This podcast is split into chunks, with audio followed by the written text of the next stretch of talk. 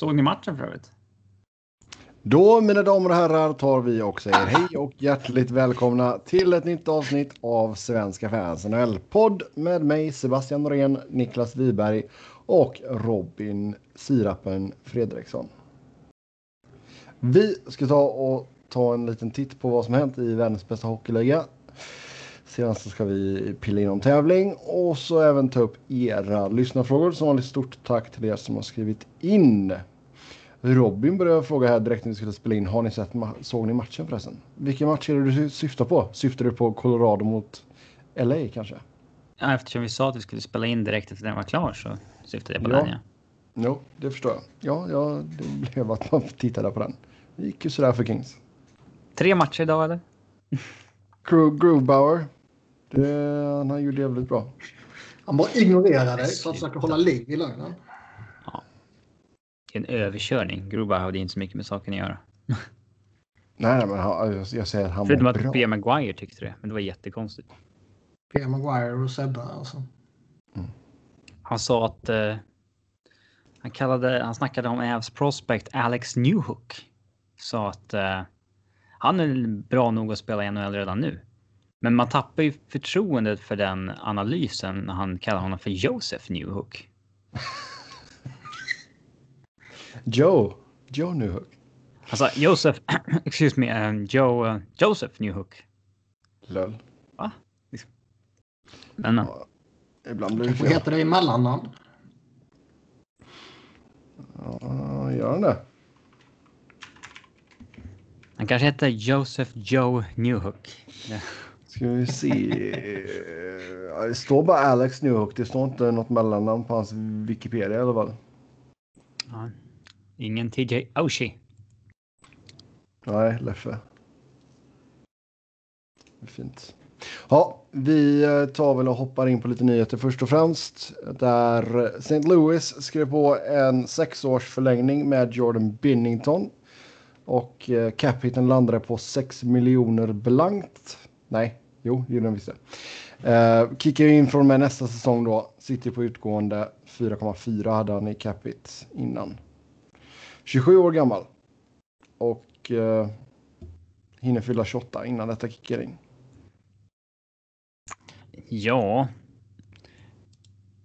Det är väl, eh, det finns väl inte någon målvakt i ligan jag skulle vilja ha på ett sånt kontrakt, men eh, jag tycker väl att det är väl rimligt sett till vad han eh, har åstadkommit. Han är inne i en liten alltså, dålig period just nu, men eh, det sker ju alla målvakter. Ja, alltså samtidigt så är det ju inte, alltså det är ingen jätte, fortfarande ingen jättestor sample size på honom. Han har gjort 103 matcher i grundserien och 31 slutspelsmatcher. Mm, så är det väl. Men... Eh, eh, ja, ska man säga. Alltså han... Eh, han är, inte, han är ju en League Average målvakt. Eh, jag hade inte betalat de där pengarna, men jag förstår ju också att man gör det trots det. För att du kan inte hålla på och leta en ny målvakt varje sommar heller. Nej. Nej, det är alltså, ingen som är liksom redo att ta över så. Nej. Och sen, Om man in och vinner cupen åt ett lag så får man ett sånt här kontrakt minst. Liksom. Mm. Han skulle ja, han får li lite betalt i efterhand. Efter, liksom ja, han fick ett eh, uh, prove it-kontrakt när han vann kuppen och det. Um, han har i alla fall bevisat att han håller i NHL efter det. Alltså att han kan vara en första målvakt. Eh, uh, så då är det väl bara rulla på liksom. Men uh, nej, det är inget kontrakt jag hade velat ha eh, någon målvakt på. Nej. Inga sign-on bonusar? Nej, Blues eh, kör väl på rakt De jobbar inte så. Ja, de jobbar det var mycket snack om det med Peter Langelo. Ja, exakt. Så eh, har en full no trade de första tre åren och sen en modified de sista tre. Ja, nej, alltså skeptisk till alla målvakter som signar långt och dyrt. Eh, av naturen, liksom. Sen är han en djupt ogillbar eh, personlighet också. Unlikable, Ja, alltså vi... man. Ogillbar om man pratar svenska. Ogillbar. ja, vi hade ju den situationen här för någon vecka sedan. ehm, när han höll, höll på och skulle mopsa upp sig lite när han Mm. skulle lämna. Eh, det var väl inte jättesympatiskt kanske. Men, men. Ja, det Det är vad det är. Nej, nej, det förstår jag också. Men ja, så då är, där är ju Blues. Då, där är man ju på det torra då i alla fall med Binnington. Bakom honom just nu, Ville Husso. Ja, han har en dålig säsong. Niklas, vad har man i systemet? Det är inte något... Ville Husse och Jordan Binnington har man. Ja, det är helt sant. Det är helt sant. Ja, sen eh, Calgary tog och eh, kickade Jeff Ward och så tog, plockade man in Daryl Sutter som ny eh, tränare. Känns som det skedde för jättelänge sedan. Men Ja, eh, det det var- var... Ja, Det var inte så jättelänge det var sedan. någon dag efter vi spelade in då antar jag. jag tror det skedde någon timme efter vi spelade in. Fan. Jag måste ha missat när det breakade på Twitter för jag var så här. ja, Ja, sen någon dag senare så var det bara så här. ja, Pratades det om honom som att han var coach där jättelänge. Bara, jag bara, "Ha, när hände det här liksom? Eh, Nej, S- alltså Sutter har ju varit utan jobb sen eh, han lämnade Kings efter säsongen 2016-2017. Nej, han har haft jobb. Ja, okej, men han har inte varit head coach i NHL. Eh,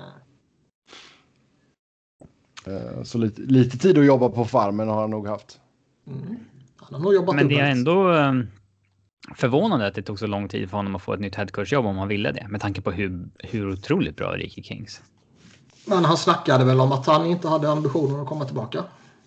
Var det så? Ja, för mig det. Och, Han är inte liksom eh, lastgammal. Så att, nej. sen tog han ju någon sån här flummig konsultroll med Anaheim. Och sen så ringde väl Calgary. Och då kunde han väl inte tacka nej för att han har unfinished business där uppe som jag tror han själv uttryckte det. Ja, just det. ja, kan man ju. Men. Ja, det ska bli intressant att se om han kan skapa en lika liksom effektiv hockey som han hade. Eller inte effektiv hockey, eh, utan. Eh, ska man säga? En lika produktiv hockey? Nej. Ska man kalla Alltså, det? effektiv, effekt, den var ju effektiv på sitt sätt. Framgångsrik hockey kan man säga. Vägvinnande. Ja. Mm. Intangible rik hockey. Fortsätter vi bara kasta ut oss ord så kommer vi hitta någonting som låter bra till slut. Det, här, alltså, det, och det kanske är vad Calgary behöver. Det, man körde på med Ward ett tag där och man känner väl att man inte vill halka efter något mer än vad man redan är just nu. Så, Han var ju väldigt bra på att få ut liksom bra 5 mot 5 spel ur eh, sina liksom eh, sämre kedjor i Kings. Mm. Eh, och det, det är väl någonting som eh, eh, Calgary skulle behöva. Jag tror Derek Ryan har väl haft så här sjuka siffror Sutters första matcher. Att hans kedja dominerade sina matcher liksom och sådär. Eh, och det känns väldigt Sutter. Ehm, jag tror väl Milan Lucic eh, har väl inget emot att Sutter kommer in heller. Visst fan var han kvar där när Lucic var inne och svängde? Ja, det var han eh, 16. det måste ha varit där ja. ja. Mm. Så att nej, den, fan, man, har, man har glömt den i ettårssessionen i Kings från Lucic ändå. Ja, man är ju så glad över att de inte skrev det kontraktet med honom. Är man? Åh, herregud alltså. Det, Ah, det hade inte hade gjort varit... så mycket. Alltså det, Ah, de hade ju inte varit, de hade inte, de var inte competitive längre ändå. nej, men det hade kanske tvingat bort någon lite, lite vettigare spelare. Det hade det nog gjort. Mm, kanske det. Så, ehm, Nej, men jag tycker att det är ett spännande val av eh, Calgary. Det måste inte vara nytt för att vara spännande, utan det är också spännande att övertyga en eh, historiskt framgångsrik coach att komma tillbaka om han är sugen.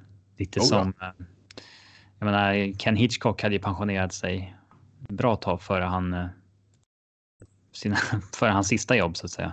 Mm.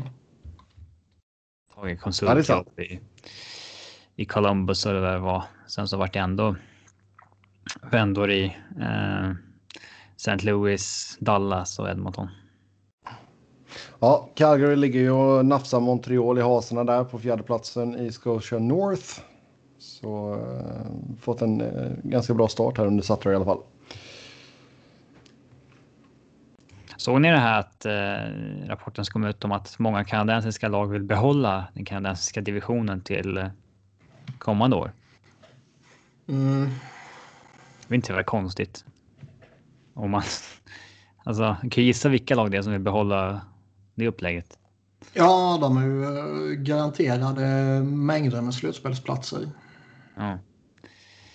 Det, sen, det, alltså, det är klart att det har varit bra för kanadensiska lag att bara möta kanadensiska lag liksom ur tittarsifferperspektiv och. Den jo, men jag tror väl, jag tror väl inte, alltså även om du skulle behålla divisionerna så lär väl alltså, spelschemat förändras så att man möter alla lag igen. Ja, det borde man verkligen göra. Mm. Så det tror jag inte. Och jag menar, Batman snackade ju tidigare i veckan också om att det är liksom allt pekar ju på att man kommer gå tillbaka till de gamla divisionsindelningarna förutom då att Seattle ska in i Pacific och Arizona flyttas över till eh, Central. Man, må, alltså, eh, man måste gå tillbaka till hur det var för det här är aptråkigt. Du börjar också tröttna på att möta samma lag eller? Nej, inte riktigt än. Nu är jag mer trött på att Flyers är ett jävla värdelöst skitlag. Men, Tar ute på allt annat. men, men liksom... Eh, oftast är det ju liksom, är man supportar ett Eastern-lag så är det oftast att man eh, följer Eastern lite mer noggrant då såklart. Och eh, då kan man ändå sitta och kolla på många Eastern-matcher för att liksom ha lite koll på ja, Eastern i stort och inför liksom, fortsättningen av säsongen och ett eventuellt slutspel och lite sådana här grejer. Men helt meningslöst nu. Och lagen i ens egna division möter man ju hela tiden. Så det är inte så att man behöver kolla på andra matcher för att få koll på dem. Liksom.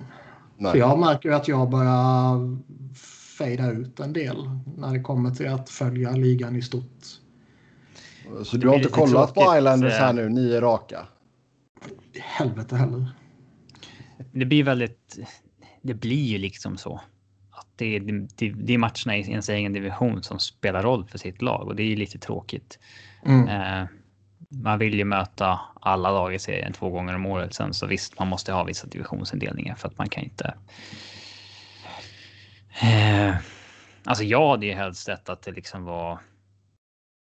Inga divisioner utan bara öst och väst och lag 1 eh, till 8 till slutspel och så möter du alla lag i väst lika mycket som du möter. Ja, exakt. Um, ja. Men. Alltså det, det upplägget skulle väl funka om du körde lite mer sådär då att du att du möter dem två eller tre gånger på raken då. Ja, uh, ja det hade jag inte haft ju... emot. Alltså vill, vill de uh, liksom ha alla möten mellan Philly och uh, Pittsburgh samma två veckor? Det är ju fine liksom. Och för att minska, nu är det ett exempel i och med att just de två de kan åka avstånd. Liksom. Men ja. ja, vill de ha alla möten mellan två lag samma vecka så kör det. Det, det spelar inte mindre roll. Friedman snackade väl lite om att eh, spelarna gillar det här med att man spelar två matcher i samma stad efter varandra. Liksom. Mm. Att man åker till Boston och spelar två matcher mot Boston i Boston.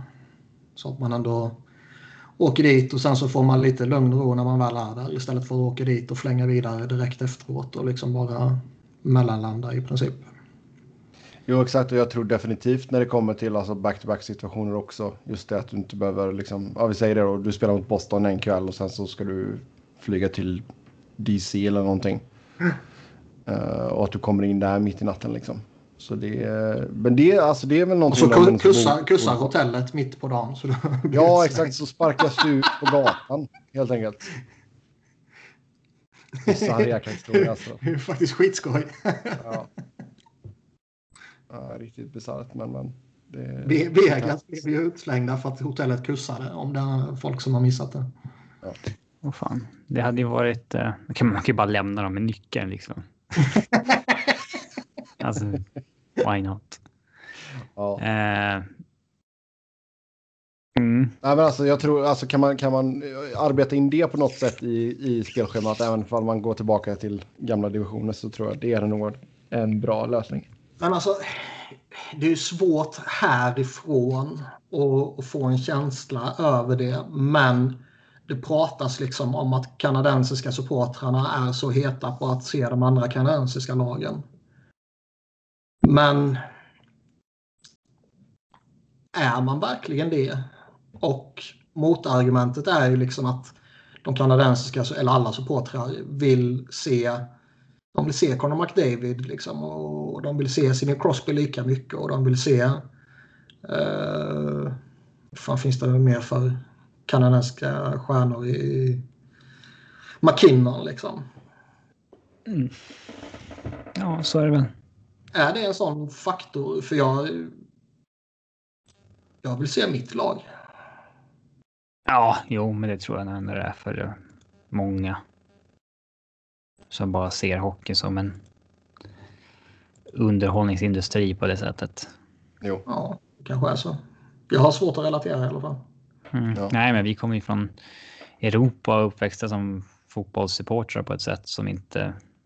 Vi har inte samma tänk kring att följa en sport som de som bara kommer från USA.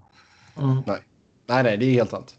Så nu är vi ungefär halvvägs igenom säsongen då. Vissa lag har spelat lite mer, vissa lag har spelat lite mindre på grund av olika anledningar. Men vi säger att vi är ungefär halvvägs um, igenom i alla fall. Och då har vi alltså New York Islanders med nio raka segrar. Poäng bäst just nu. Två i Carolina och de har åtta raka segrar just nu. Det är väl kanske inte riktigt vad vi hade tippat inför säsongen. Det är en absurd jävla säsong. Florida och Vegas leder ju sina. Där var vi väl hyfsat på. Som satan. Det, äh. Minnesota är ett topplag liksom. Det är en sjuk säsong. Ja, snacka om uh, alltså att Kaprizov har kommit in och, och, fått en effekt på det laget. Ja, sen är det väl alltså det är kanske så att det, är en kortare säsong nu och helt plötsligt så uh, får man en hot streak och så lyfter hela säsongen liksom. Eller ja, man det är definitivt lag som faller hela säsongen. Ja, alltså Kaprizov är en game changer för deras eh, offensiv. Men jag tycker fortfarande laget som helhet är något svagt för att. Eh, för att de ska vara ett etablerat liksom topplag. Eh, så känner jag väl. Eh, men visst, det är klart att de en säsong kan överraska. Eller så. Det är, det är fortfarande så pass jämnt mellan alla lag i ligan så att. Eh, det går ju.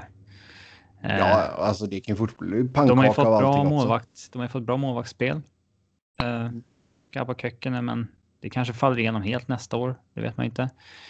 Uh, de tjänar ju mycket på att de har en stark topp fyra. Sen har de tre bra forwards typ. Det är väl det. Um, som alla ser fina ut just nu. Har en hel del bra komplement forwards, men den där uh, den där centeruppsättningen kommer inte hålla särskilt länge. Det, det går inte att vara framgångsrik med den long term så att säga. Mm. Mm.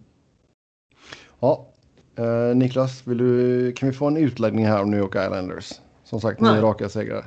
Jag var skitglad. uh, fortsatt jäkligt starka i defensiven kan man ju lugnt fastslå också som vanligt. Han har gjort helt okej med mål också. Fortfarande obesegrade under ordinarie tid på hemmais. Starta faktiskt... upp en egen jävla islanders eller gå vidare. Sen blir det obesegrade på hemmais under ordinarie tid när de gör första målet. Och sen så... Exakt, det går alltid, att mjöl... går alltid mjölka ja. utan lite, absolut. Ja. Eh... När de inte spelar back-to-back. Sen blir det sen. Exakt. När de spelar med blåa tröjor. Ja. Mm. Eh, jag förstår, alltså, det står ingenting om sånt här snack i körschemat. Nej, och sen bara jag tänkte... in någon jävla Islanders-hype. Tänkte det var, det var dags att ta tempen lite här nu när vi ens har gått ungefär halvvägs. Ja, då kan du sätta upp ett eget körschema nästa gång. Sjukt att vi har hunnit halvvägs ändå. Ja, faktiskt. Det har gått jäkligt fort. Det har det gjort. Um, Sjukt att Rangers ändå är med i matchen. Jag tycker de ser så fruktansvärt usla så fort jag tittar på dem. Men det är som Ja, jag sa innan, en jävla säsong liksom. Det är klart att Islanders kan vara ett slutspelslag liksom. Och, det, och sen får man lite, lite medflyt och så tar det en jävla fart. Och det är klart att, att Nashville inte ska vara avsågade. Men helt plötsligt går man på en mina och får någon skada och så kraschar hela säsongen liksom. Och det är klart att Chicago inte ska vara där de är. Men bla bla bla. Ja ja, det är intressant. Och som sagt, de här, de här vinstsviterna och sånt, det, det får ju en extra effekt när det är en så pass kort säsong. Eh, så vi får väl se vilka Carolina lag som åtta kan ha raka det. nu. Ja, Den är exakt. svår att snacka bort. Mm. Ja, de är bra på riktigt. Mm. Han är odräglig nu Emil. Alltså får du slidra, eh, glida in i nya DMs eller? Ja, typ. Ja, yes, vi eh, ska vi se ifall detta kan göra Niklas lite gladare då. Philadelphia och Nashville ska ha börjat diskutera Mattias Ekholm och Viktor Arvidsson mot Shane Gostisbehere, Erik Gustafsson och Pix. Det här kommer inte från någon av de stora ska sägas. kommer som från eh, samma källa som bekräftade att Joel Quenneville hade tackat ja till Flyers. Ja, det är klart att det kan. Men det, alltså, det känns som att såna här källor. Eh, det här kommer ju då från en. Det kommer från Broad Street Hockey som är SB Nations eh, Flyers-sajt. Ja, jag- man ska inte kalla det fanblogg liksom. Det är ju lite disrespectful, men.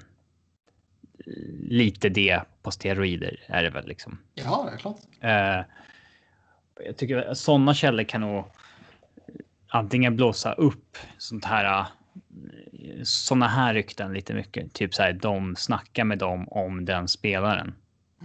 Eh, jag tror att om Friedman eller Bob hör något sånt så kanske det är en tiondel av de där grejerna som de faktiskt eh, går ut med för att de tycker, har kollat upp att oh, men det här är faktiskt logiskt. Det här kan bli av eller eh, så. Det kan också Nej. vara lite så att eh, ska man egentligen gå ut med grejer så ska man ha det från två av varandra oberoende källor och bla bla bla.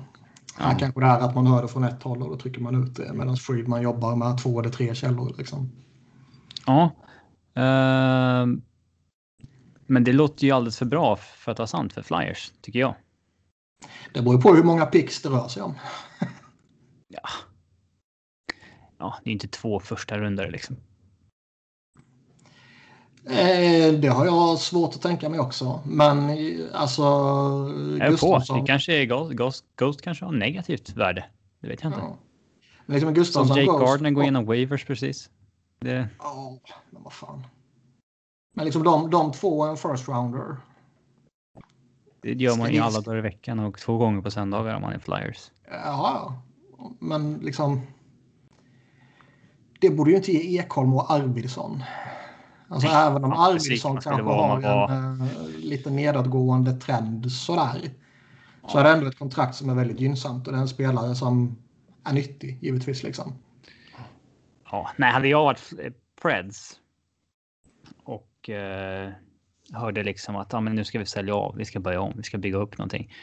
Mm. Vi ska göra oss av med Ekholm som har liksom ett och ett halvt år kvar. Vi skeppar honom nu för att få något bra värde för honom. Då hade jag ju räknat med kanske en första rundsval, ett andra rundsval och en eh, OK prospect. Eh, för en spelare av hans kaliber. Eklund slängde ju sig en first rounder och Nolan Patrick har jag för mig då. Bara för Ekholm. Mm. Ja, det låter väl inte helt barockt. Eh, sen Viktor Arvidsson, han har liksom tre år kvar på 4,25 och har ja, fram till i fjol då snittat 30 baljor per säsong. Eh, och är 27 bast. Alltså, även om han tappar lite så har han ju ett otroligt bra kontrakt. Mm. Eh, jag kan inte tänka mig att han eh, är billig heller. Så att... Eh, Det känns ju lite eh, felbalanserad traden. Alltså ja. värdemässigt. Verkligen så här önsketrade om man sitter och spelar eh, tv-spel med Flyers. och, eh, Ekholm och Arvidsson är tillgängliga. Ja, vi slänger in Ghost, han har lite värde. Vi slänger in Gustafsson, han har lite värde. Men det är så här, ja, men vad ska Preds med dem till? Mm. Typ. Um, typ. Men visst, de har ju. De har ju en svag backsida numera så att det kanske inte är uh, helt orimligt att uh, bara stärka upp den med uh, lite mer solida NHL-spelare. Men det är inte killar man borde, borde ge upp sina toppspelare för att få. Nej. Nej, den är förvånande. Sen, ligger, sen tror jag ändå alltså det, det ligger nog någonting i att de pratar med varandra. Det verkar ju komma från lite olika håll. Uh, återigen så ser vi att Nashville scoutar Phantoms. Med två gubbar numera till och med. Mm. Ja, kul det hade varit. Jag hade, om jag var liksom chef för scouterna så hade jag ju... Skicka runt dem för att trolla med fansen. Mm. Nej, men jag hade gjort någonting eh, så här, för att verkligen skapa rubriker och få folk att gå i taket. Så här, eh, Ävs har skickat alla sina nio scouter till eh, i en vecka. Sakic är också på plats liksom. Vem fan tittar de på liksom? Alla är där och tittar. ja. Så nej, vi trollar bara. Mm. Yes. Jag, är, eh jag hatar det här jävla skitlaget. De är ju inte bra. De är i en svacka nu. Och det var mycket snack under säsongsinledningen att man liksom, man spelar inte bra men man tar sina poäng. Man, eh, man hade lite problem mot Boston men man gick ändå liksom typ 10-1-1 mot alla lag som inte var Boston. Liksom. Och alla sa att ja, men antingen kommer man sätta spelet eller så kommer, kommer prestationerna hinna i fatten. Och det är ju eventuellt vad som har hänt nu. Man har inte spelat bra på slutet heller, eller? Nej, det är kaosartat alltså. Och sen har man ju pissuselt målvaktsspel. Från ja. Uh, vi kan ta ett par lyssnarfrågor här så får du raljera lite mer över Flyers. Ja, men vi kan vänta lite. Ja. Så, man, man, kan ju se på situationen på två olika sätt. Antingen så är det nu som Chuck Fletcher måste agera för att man liksom inte ska halka ännu längre bak och liksom få den där nedåtgående trenden och hamna i en spiral och sen bara krascha skiten och så är man borta liksom. Eh, att plocka in en solid back jämte Ivan Provorov Eh, skulle nog betyda mycket där. Eh, han har saknat Matt Niskanen och det är ju eh,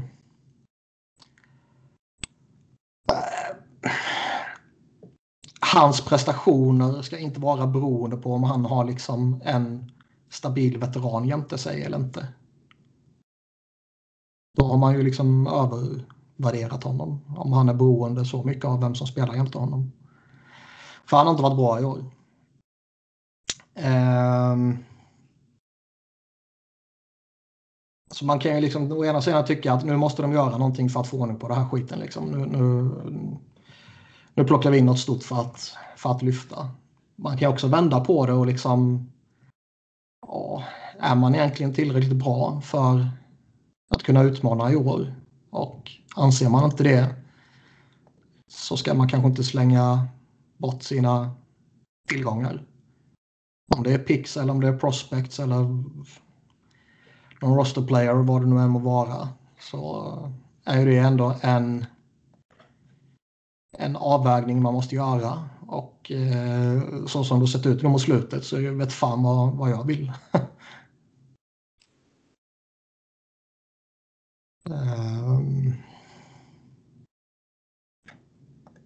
Sen är det ju svårt också liksom hur, hur mycket kommer hur mycket kommer picks vara värda när det blir en så konstig draft som det blir. Allting tyder ju på, nu på att den kommer genomföras till sommaren som vanligt.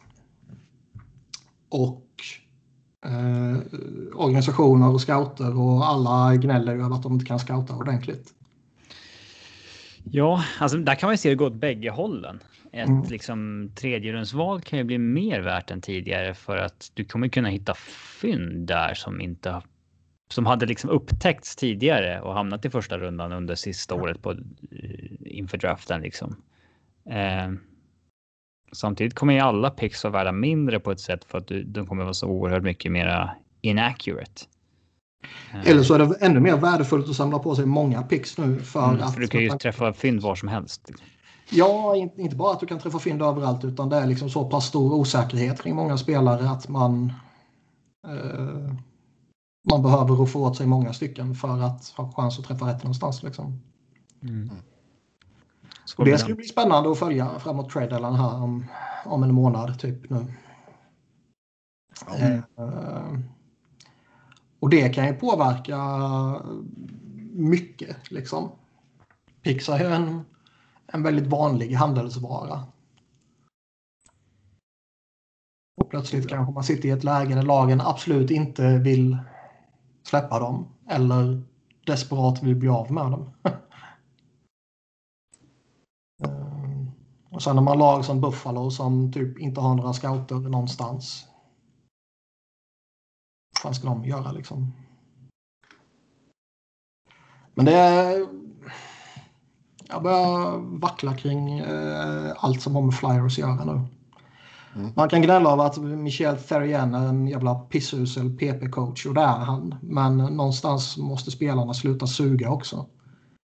Eh, man kan kritisera Vigneault för petningar och beslut och taktik och så vidare. Men någonstans måste spelarna sluta suga också. Liksom. Um, utöver första kedjan med JVR, Couturier och eh, Farabee och eh, Claude Giroux så har eh, laget i övrigt inte varit tillräckligt bra. Och då är det inte konstigt man ligger där. Ja, Brian Elliott har varit bra också. Men eh, Men eh, Mass Mutual East är ju så. Eh, eh, den är ju så competitive egentligen att. Eh, att eh, det räcker med att målvaktsspelet faller igenom så kan det missa slutspel. Mm. Och jag tror man är lite i den uh, Och i alltså, vägskälet nu. Att, uh, än mer sårbart under en eh, kort säsong ja, att målvaktsspelet faller igenom. Och Carter Hart, nu, nu har man ju eh, låtit honom jobba med målvaktscoachen för att hitta sitt spel igen och, och man liksom har, har ridit Brian Elliott lite nu. Men det är liksom också att man kan inte förlita sig på Brian Elliott för jävla mycket. För, mm, numera när han är gammal och lite skör. För spelar man honom för mycket kommer han ju krascha och antingen falla igenom fullkomligt eller eh, bli skadad. Och eh, Carter Hart måste studsa tillbaka. Vi fick in en lyssnarfråga här. Hur är Niklas kärleksaffär med Carter Hart just nu? Alltså han är ju... Känns det förrådd? ja. Nej men han är ju jättedålig. Eh, folk som har följt honom länge, alltså från juniors och framåt, säger att han har liksom aldrig sett ut så här tidigare. Eh, jag har ingen jävla aning. Jag har inte sett honom utanför NHL. Liksom. Eh, ja. Bortsett från JVM och sånt där då. Men eh, målvakter är oberäkneliga. Jag tror ju inte att han går från att vara en supermålvakt i slutspelet och väldigt bra innan dess till att liksom ta slut. Målvakter är bara konstiga och oberäkneliga och det här kanske är hans dåliga säsong. Liksom. Ja, det är inte jätteovanligt att en målvakt går från att vara liksom nummer sju i ligan till att vara 47 i ligan nästa säsong. Mm. Av 60 målvakter. Det händer ju faktiskt titt som tätt.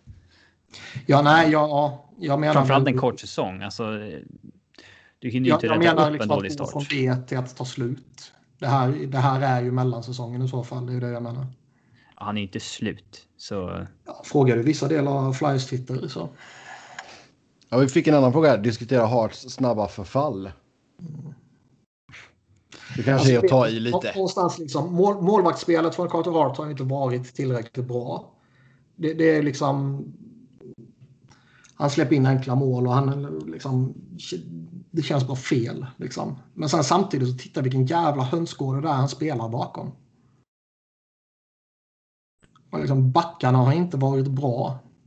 Men titta vilka jävla forwards det är de spelar bakom som liksom står och tittar på när motståndarna får stå och skjuta fritt utan att liksom bemöda sig och glida en meter närmare för att knyta upp klubban eller någonting. Liksom.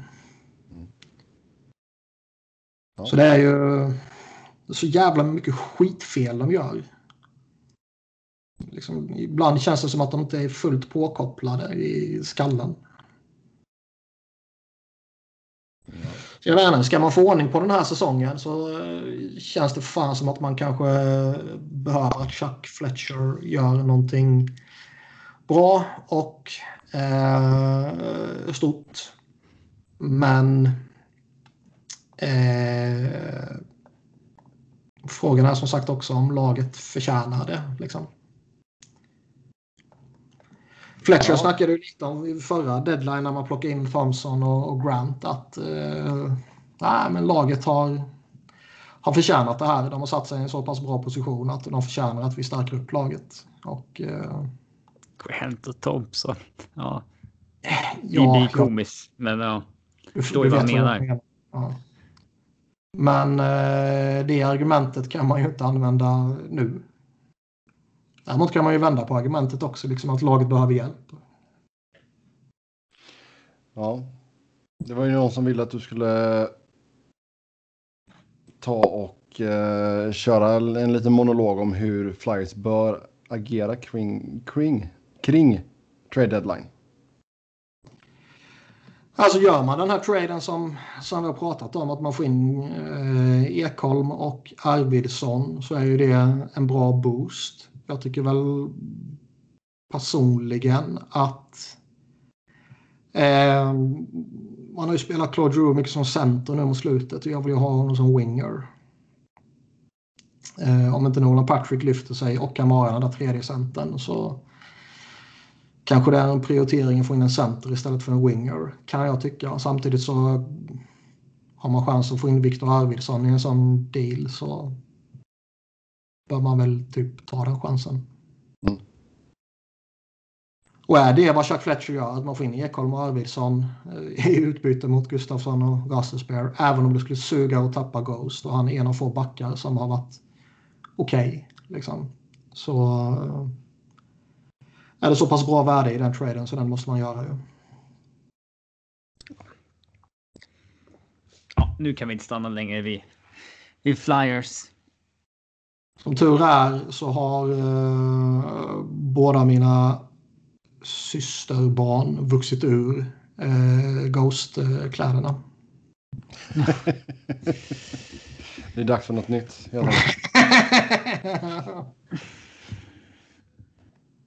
Mm. Ja. Yes, yes, yes. Ja, eh, nästa punkt då. Snack om att Carolina ska överväga att ta tillbaka Eric Stahl. Sådana där återkomster blir ju sällan eh, lyckade alltså. Han är ju en bra spelare, så där, men han är ju verkligen det gamla Carolina på något sätt. Mm. Jag vet inte fan om jag skulle. Vet fan, jag tror. Det beror på hur lite han är som person och det har man ingen aning om. Men det kan nog ändå fan ställa till det lite att ta tillbaka någon som var van att här var jag kung, här fick jag göra vad jag ville. Här kunde jag beordra vem som helst att göra vad som helst. Um, det, Brorsan är ju kapten nu så han kommer ju eh, vara puppet master. ja. ja men alltså det kan ändå ställa till det lite tror jag. Eller så är det liksom en. Eh, en boost för alla att eh, Erik Stahl kommer tillbaks. Men det finns ju inte så många spelare kvar som har spelat med honom. Nej. Det är inte många.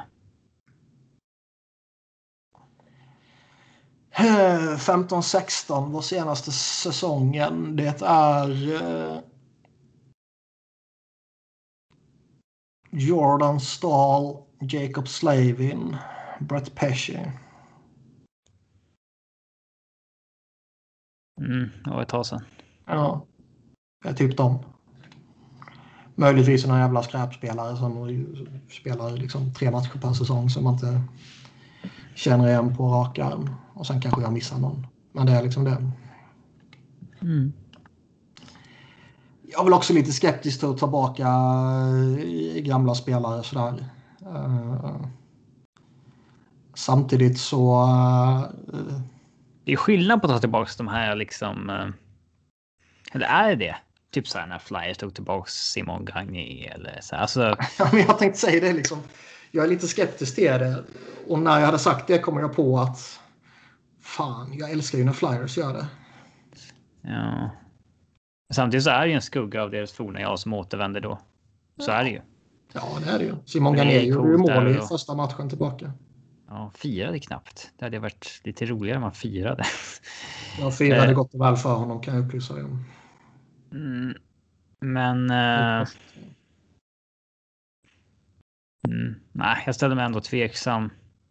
Finns det något uppenbart hål i line-upen där eh, herr Stahl kan kliva in då? Eh, du som ser två, tre matcher per dag Sebbe. Hur mycket mm. ser du Carolina? Jag har sett väldigt lite av Carolina faktiskt ska jag säga. Trots att de har gått jäkligt bra. De har tydligen en fjärde center som heter Morgan Geeky. Alltså geek i... Ja, det var han som gjorde typ fyra poäng på två matcher förra året. Mm. Och som har bättre poängsnitt än Wayne Gretzky. Var det han? Eller målsnitt var det. Vet inte. Ja. Men... Um... Mm. Nej, alltså, det är klart att han hade kunnat gå in och vara en liten uppgradering i deras forwardsuppsättning, men... Uh... Ja. Jag hoppas han går någon annanstans. Ja. Sen Anaheim, där så ska det komma samtal kring en viss eh, Rickard Rakell. Och det är väl det är helt dags, logiskt. Va? Ja, känns lite så. Eh, även om hans målskytte inte är vad det en gång var. Um, så är han ju oerhört billig i år och nästa år. Väldigt hög uppsida där. Um, och även när han inte gjort så mycket mål så har han ändå. Det har inte varit någon förskräcklig poängproduktion på något sätt, utan han har ändå rullat vidare med så här eh, 0,75 poäng per match eller någonting. Så att eh, nej, han borde vara superattraktiv och eh, hade jag varit Anaheim så hade jag väl absolut övervägt att trada honom också. Eh, han kommer ju när det här kontraktet går ut vara. Ja, vad blir han? Eh, 28 eller 29 då. 29. Då ska han liksom ha. Då ska han liksom retroaktivt ha betalt på ett nytt femårskontrakt. Det, det, det är då man ska undvika det. Sen har ju inte Anaheim så ljus framtid med eller utan Rakell, men byter man bort de eh, äldre spelarna som fortfarande är bra nu så kanske man kan eh, skapa en lite ljusare framtid. Um, och där... Det är ju bara att mejla in säsongen nu. Lindholm och Manson är skadade. Man är mm. liksom jävla skitlag i West. Skicka någon av de här för att få någonting fräscht och bygga nytt på liksom. Och, eh... Jag kan förstå att man liksom inte vill trada Ryan Getzlaff. Alltså att man vill ha honom eh, kvar och förlänga och, och så vidare. Ja, vill han stanna kvar så visst, fair enough. Då kan ja. det, det är lite som vi snackat om där kring LA, att det kan vara bra att ha Kopitar och mm. Dowdy som eh, stöttepelare när man bygger nytt. Jäkligt viktigt för intresset i stan tror jag också. Alltså att eh, han ändå finns kvar. Intresset är ju inte så stort någonsin så att. Eh, nej, det är nog viktigt att det ändå finns kvar tror jag. Ja, och sen ska de ju såklart spela Trevor Seagrass. Ja. Ja, det är sett snack om att det, kulturen i Anaheim, att man fostras i AHL och så är det bara och så vidare. Det gjorde Perry, det gjorde Getzlaff och så vidare. Men Ja, kom in i verkligheten för fan. trams om han är bland dina liksom nio bästa forwards, då kan jag inte Ja. acceptera att han eh, ska Nej, den här spela. jävla Detroit-skiten de höll på med. i- Man ska spela typ sju år i AHL innan man är redo för NHL.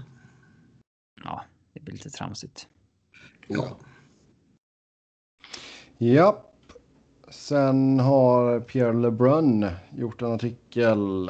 Uh, Jaså? trader, trader för sex contenders. Som de borde... Trader för ta, eh, sex? Ja, alltså sex contenders och traders som de bör Sex överväga. contenders? Gud, Tyst nu. Du vet mycket väl vad jag menar. Nej, jag förstår inte alls. Förklara. Var är vi inne på King Clancy nu igen eller? Nej, gud. Vilka är de? Men säg vilka som är sex contenders i NHL då, Sebbe. De som han har uppe här är Boston, Carolina, Toronto, Philadelphia, Washington och Winnipeg. Mm. Ja, okej, men vad, vad går artikeln ut på på riktigt då? De här sex är lagen som kan vinna eller vadå? De här sex bör göra de här traderna. Okej. De här sex traderna bör göras. Sex trader. Det är inte tillåtet Sebbe. Lägg av nu. Först ut Boston bör gå efter sitter här och Mattias. uppmuntrar sådana saker. Herregud. Kan inte vi i podden stå bakom? Nej. Vi Det har alltid varit en seriös och vuxen podd och så kommer du här med dina barnsligheter. Det första av de här sex lagen. Sex lagen. du måste lära dig uttrycka dig annorlunda Sebbe. Lag nummer ett, Boston, bör gå efter Mattias Ekholm. Ja, det är väl eh, logiskt. Eh, de har en pissuppsättning på backsidan egentligen. Bakom eh, McAvoy och eh, eh, vem, vem glömmer jag? Carlo. Som nu är out efter den här vansinnesgrejen av Tom Wilson såklart. Står det med i körschemat förresten? Nej, det har jag glömt. Det känns som Ja. det var tre veckor sedan. Ja. Eh, nej, men alltså Ekom hade ju varit en perfekt eh, tvåa, trea för dem.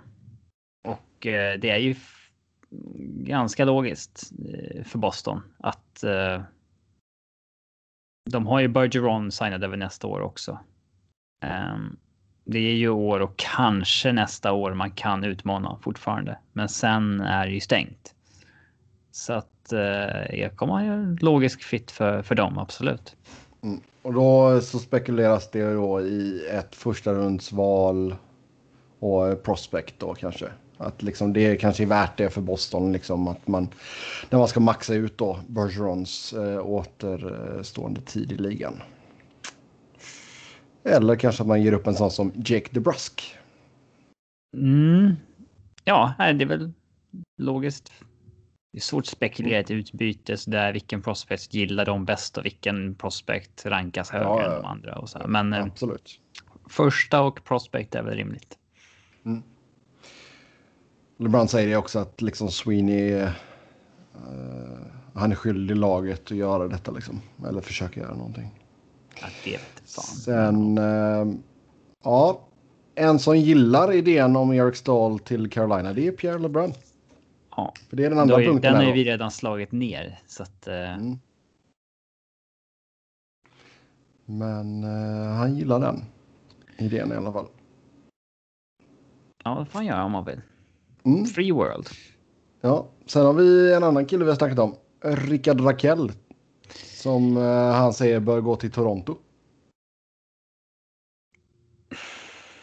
Ja, det är väl attraktivt med en låg cap hit där. Eh, men vad skulle de kunna ge upp som lockar Anaheim? Det måste ju ändå vara lite lön tillbaka. Ja, alltså det som han har här var väl att man skulle ge upp eh, Rodion Amirov plus. Det känns inte som att de har massvis med forwards. Ja, det finns ju inget eh, enormt behov av att addera en till, men alltså det kan ju alltid bli bättre. Eh, Ja. Jag tycker Eller ändå till- fan fortfarande det finns ett större behov i försvaret i så fall. Ja, eller eh, ja. Är Justin Hall den enda liksom ordinarie NHL-spelaren som faktiskt har varit eh, liksom en fullfjädrad East Coast Hockey League-back? Inte varit nere och vänt eh, tio matcher som någon har gjort sådär, men han var ju faktiskt på riktigt en ECHL ECHL-back. Mm. Gjorde 66 matcher en säsong. Och det, det tror jag, det, det finns nog fan ingen kvar som har gjort det. Nej, kanske. Jag kan inte besvara den frågan så här på rak arm. Nej. Ja. Nej, men Sen den är har väl vi- inte så ja. logisk heller. Dåligt Pierre. Sen har vi Alex Goligoski till Philadelphia Flyers. Sexigt. Ja.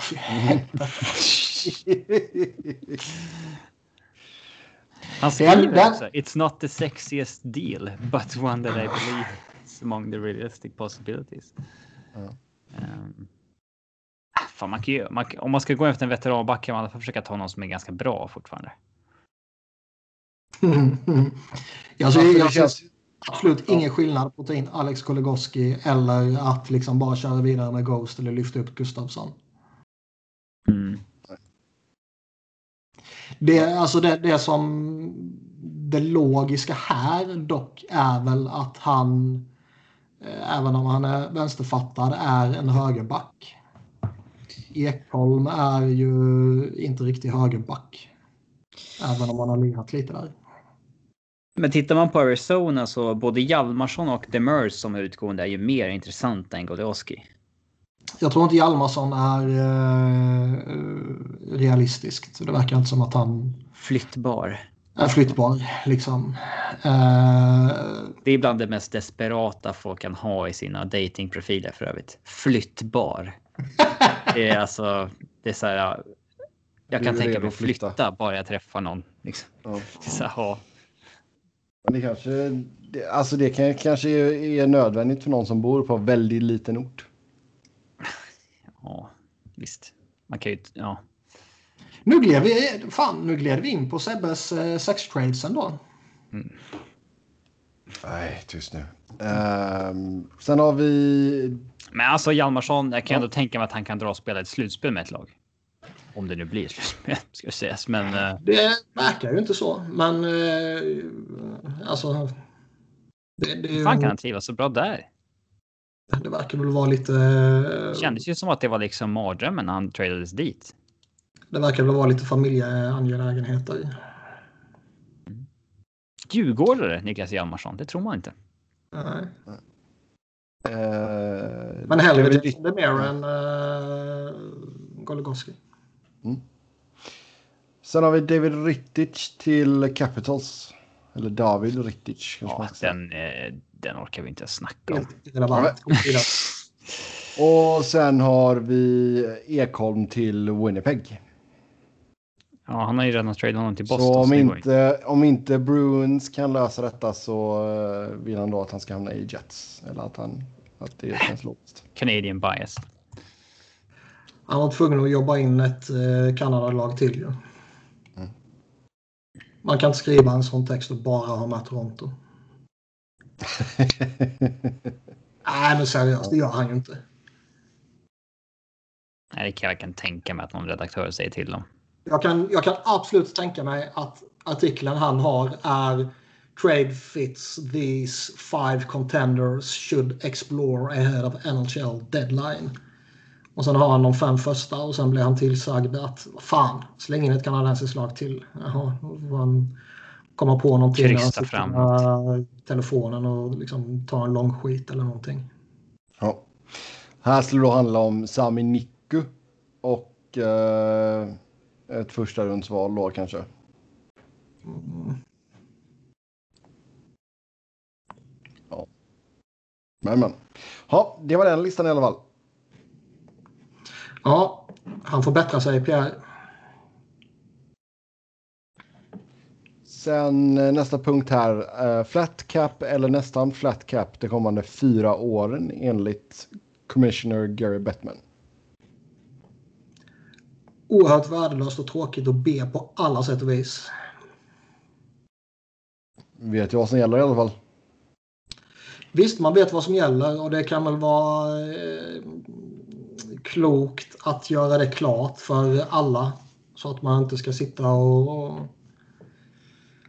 eh, vi har ju märkt lite tidigare att det eh, vid några tillfällen har eh, kommunicerats ut att eh, kappen väntas öka med så här många miljoner och sen så blir det inte så många miljoner och så har lagens planer fått sig en törn. Liksom. Så det är väl bra att man är rak och tydlig i den kommunikationen. Men det är ju samtidigt sjukt tråkigt. Och potentiellt problematiskt. Eh, bara för att kappen står stilla så kommer ju folk fortfarande kräva löneökningar. Mm. Och det rör sig om en rätt lång tid. Som den nu kommer eh, vara stilla eller bara justeras lite. Halvt decennium liksom. Men eh, det, det, kan ändå, det kan ändå bromsa de stigande lönerna ganska rejält. Alltså det, det kommer det ju göra. Visst, det kommer ju vara spelare som kräver rökningar, men... eh, De största kommer ju få sitt, men eh, det här mellanskiktet kommer det nog kunna påverka. Ja, det kommer ju vara slut på jobb till slut om alla... Ja. Men det här är bara återigen ett bevis på att vi behöver eh, ett annat lönetaksystem.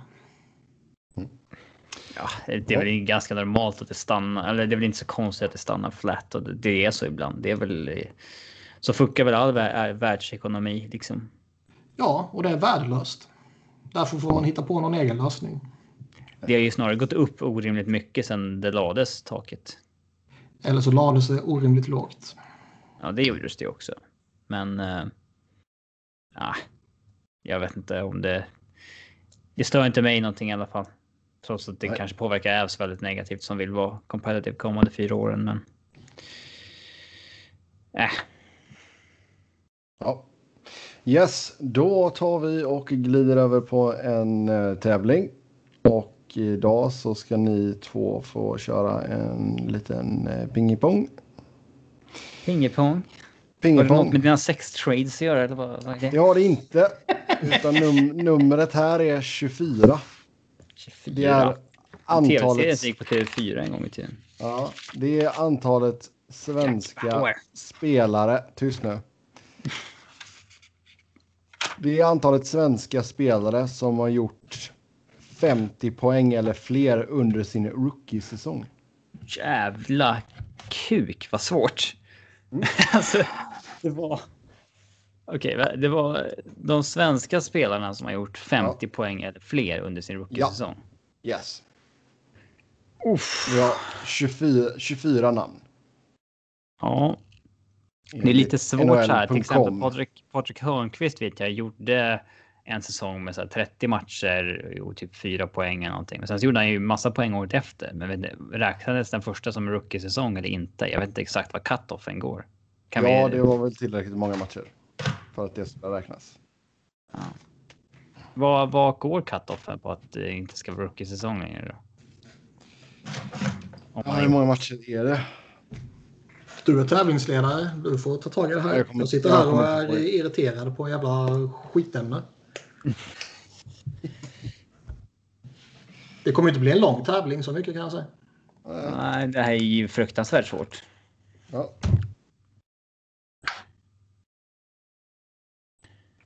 Robin, du får börja. Eh, Peter Forsberg. Ja. Namn nummer 24 på listan. 50 poäng. Va? Nej, det kan du inte mena allvar med. Gjorde Foppa exakt 50 poäng sin första säsong. Ja. Så han var precis på gränsen. Ja. Säkraste kortet av alla. Jag måste kolla upp. Nu är jag inne på EP och snurrar. Nej, nu ska du inte in på e-post. nu. Det är tillåtet Ja, att gå vad in fan, det var ju en och- kort säsong 94-95. Ja, Han gör ju mer än en poäng per match. Ja, nej. Ja, Ja, visst. Det är Ja, tillåtet hade jag att fått gå fel in på och kontrollera jag när man misstänker att Sebbe är inkompetent. Vilket faktiskt har skett några gånger i den här leken. Hade han gjort 49 på 47 matcher, då hade jag inte accepterat att det inte var godkänt. Du får ju räkna om eh, Ja, dem men från då hade jag ju Då hade jag ju, då hade jag ju kanske... Det, det finns ju en anledning till att jag tog med Foppa också. Att jag inte tog topp 25. Visst. Mm. Ja, Sundin. Mats Sundin, ja. Han är med på listan. Och nu blir det svårt. Han är nummer 14 kan jag säga. Så mycket kan jag säga. Jag behöver inte säga exakt hur många poäng han hade. Eh, Elias Pettersson hade väl mer än 50 första året. Elias Pettersson är med på listan. Nummer 9. Kenta Nilsson. Magic Man. Ska vi se. Fan, Niklas har bägge deep tiebreakersna också. Den där är jobbig. Jag ser faktiskt ingen Kenta Nilsson här. Ehm, Måste jag kolla upp det? ja. Nilsson. Han kanske inte är eh, rookie enligt rookie-reglerna. Nej, exakt. Det kan nog vara så. Han kom in genom eh, Western Hockey Association. Han gjorde Ja. 93 poäng på eh, 80 säsongen i matcher. NHL. Ja, nej, den gills ju. Skärp dig Sebbe. Gills. Okej. Ja, Ja. Det här är en jävligt dålig lekledare. Men så man räknades in som rookie om man kom in via Nej, exakt. Hockey League Association. Eh, antar jag. Exakt. Fine. Då säger jag. Jag är rätt säker på att Landeskog gjorde över 50 poäng. Jag gjorde 52 eller något sånt där.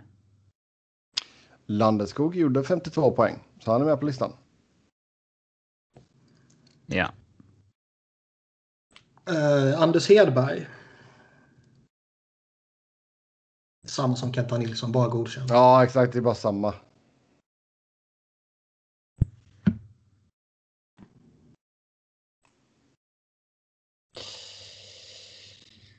Eh, hur många poäng gjorde han då? Anders Hedberg gjorde...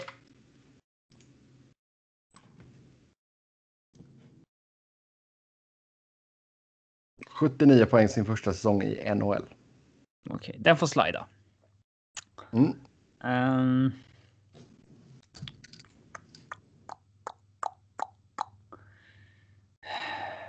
Alltså alla de här namnen som Zetterberg och sånt där, man är osäker på om det var över 50 poäng första säsongen.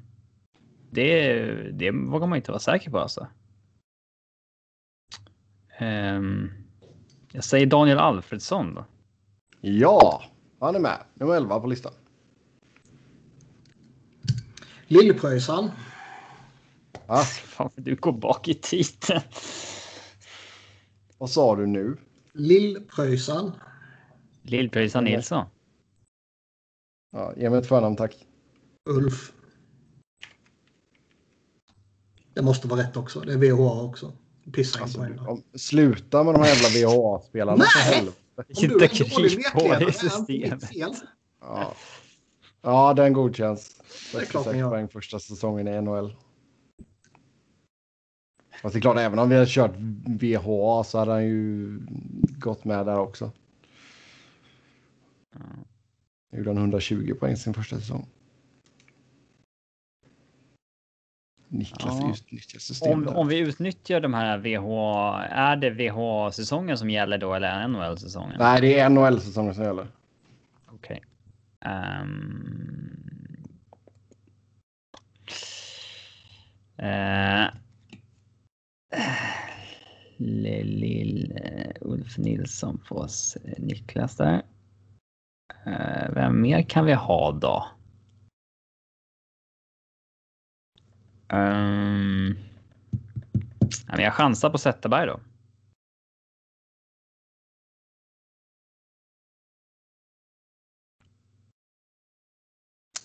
Zetterberg är inte med på topp 24. Han gjorde 45 eller något sånt där antar jag. Han gjorde 44. Ja, vad... Får Niklas smasha hem den då? Micke Renberg. Mikael Enberg. 82 poäng. Per game, typ. Shit, gjorde han 82 första säsongen? Ja. Ja, det är ju cred. Eh, andra namn som ni kanske... Mats Näslund, Filip Forsberg, Niklas Bäckström. Niklas Lidström, Thomas Sandström, Håkan Loob, Uffe Dahlén. Japp. Oerhört tråkig idé. Jag är mycket stolt över mig själv att jag kukade ur din, eh, din lista. Ja. Ja, ja. Sen, eh, det var ju någon som eh, skrev in här och två avsnitt sedan hintades det om en tävling som Sebbe ville bygga upp spänningen inför. Kör den. Det var ju någon pingpong som du hade Robin. Va? Ja, du kommer inte ihåg detta. Fan vad härligt. Det var någonting med saker man hade glömt började du snacka om. Så sa jag, men spara den då. Saker man hade glömt. Ja. Ja, ni får säga en sak var som ni har glömt fram och tillbaka. Va? Ja, Jag vet inte vad du... Vad, du Vad, vad, vad står det i lyssnarfrågan? Exakt. Kan... Det står två avsnitt sedan hintades det om en tävling som Sebbe ville bygga upp spänningen inför. Kör den. Vad fan kan det ha varit? Ingen aning, men har du någon pingpong i bakfickan så dra fram den. Nej, det har jag, har jag inte. Men jag kan försöka komma på den under resten av programmet som vi kan avsluta med. Sen. Okej. Kör på det det. är oerhört risk nu att vi snart kör någonting som vi redan har kört. Alltså som, Ja, utan ja, att det- absolut. Utan att tänka på det, absolut. Ja, då tar vi och glider in på lyssnarfrågorna då. Som vanligt stort tack till er som har skrivit in. Först ut, vad skulle rimliga tradepaket från era lag vara för Matt Barzal? Den är så orealistisk. Han går ju inte att trada för. Ja, erbjuder du McKinnon så tror jag det går. Ja. Ja, Det väl det enda som skulle kunna gå igenom hos. Eh, eh, hos. Eh, hos Islanders va? Nej, jag tror de kan ta Cale Makar också. Rantanen Jag tror inte det. Skulle de gå med på det och inte ha någon offensiv fixstjärna istället ha en offensiv. Jag tror inte det. Jag vet fan. Men McKinnon, Rantanen och Cale Makar, eh, liksom om man bara tittar på eh, värde, är ju absolut någonting. Men liksom, eh, det finns ju inget syfte med Islanders att byta liksom Rantanen mot Barzal. Nej, Det skulle vara om det liksom är en personlig konflikt som har fuckat upp någonting. Liksom. ja, han kanske vägrar eh, raka av sitt skägg och då får Uncle Lou eh, en eh, psykbryt. Ja, Racha. Ja. Eh, Kings, det går typ inte.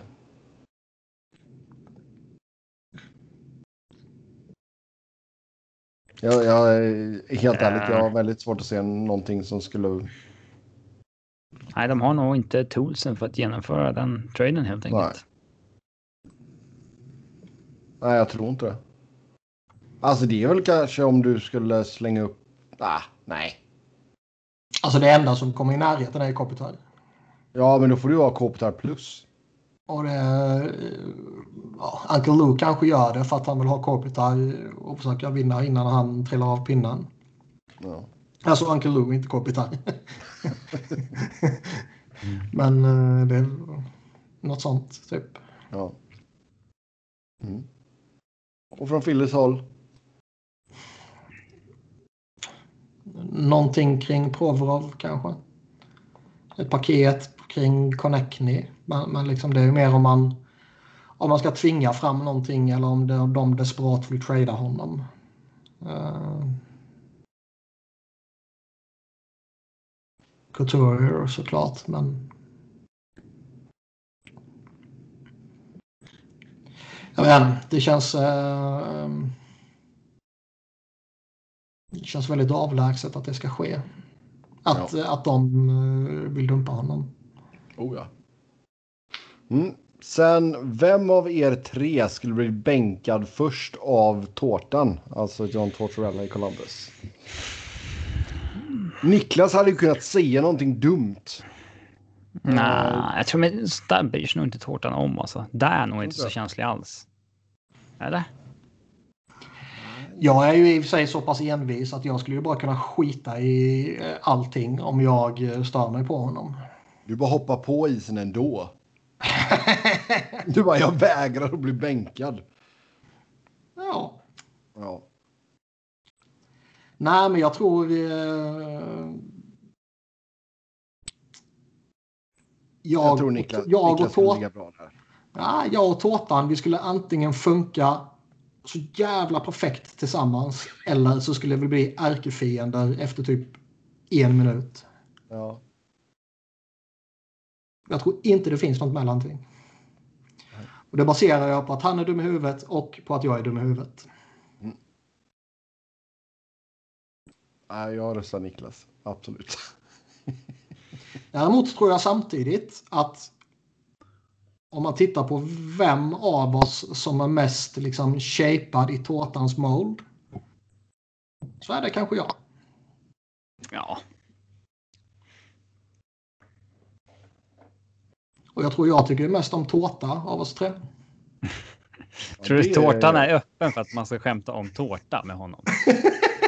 in Swedish, cake means uh, tårta. Oh, so, sounds sort of like your name, Mr. Tårta. Your nickname, your nickname is the cake in Sweden. Ja, han kan vi inte ha fått den frågan än va? Ska det jag, hoppas jag inte. Jag läsa av den eller? Ja. Hello! This is Robert Laul.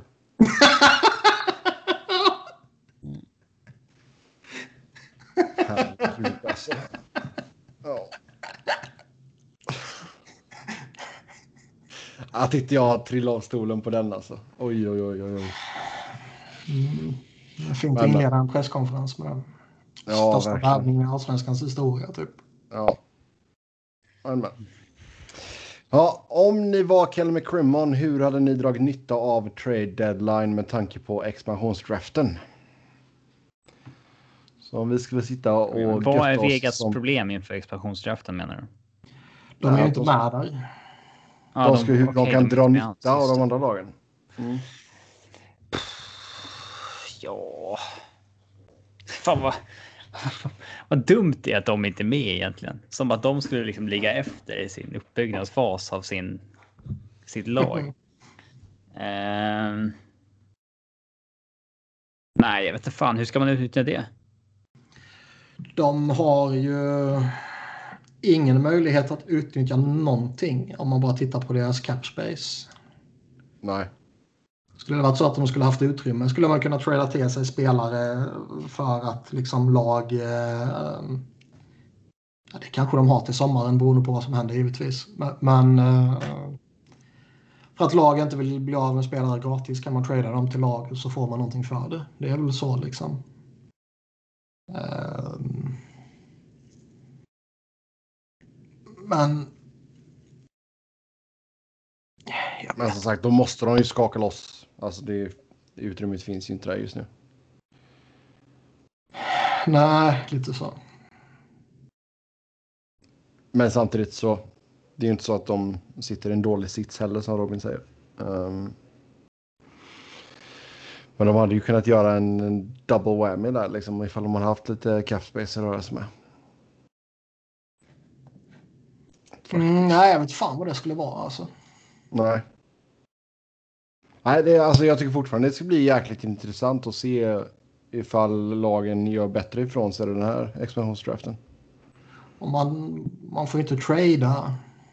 Jag kan ju inte trada en spelare till Vegas och sen så efter expansionsdraften bara trada tillbaka honom.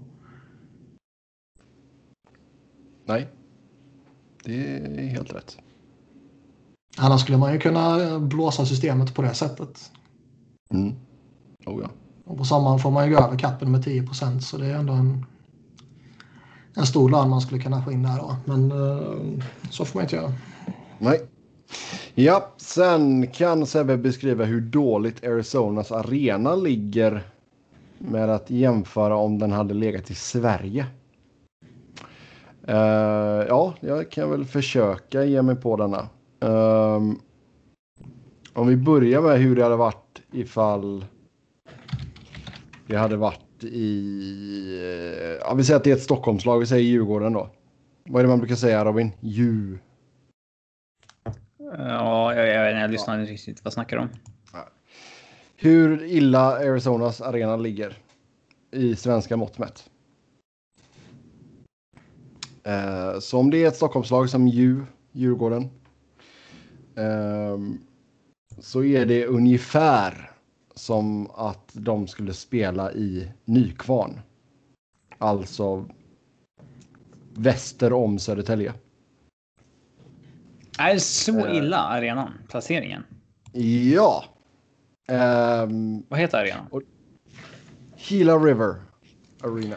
För övrigt gjorde du precis en sak som jag hatar så jävla mycket. Vadå? Du, du kompenserade för det genom att säga väster om Södertälje. Mm. Men jag har redan glömt vad första orten du sa var. Nykvarn. Ja. Man tittar på så många tv-program eller lyssnar på så många poddar där de bara slänger sig med massa förorter och gator och skit i Stockholm och typ tänker att hela Sverige är bekant med det här. En skyldighet att vara till viss mån. Nej.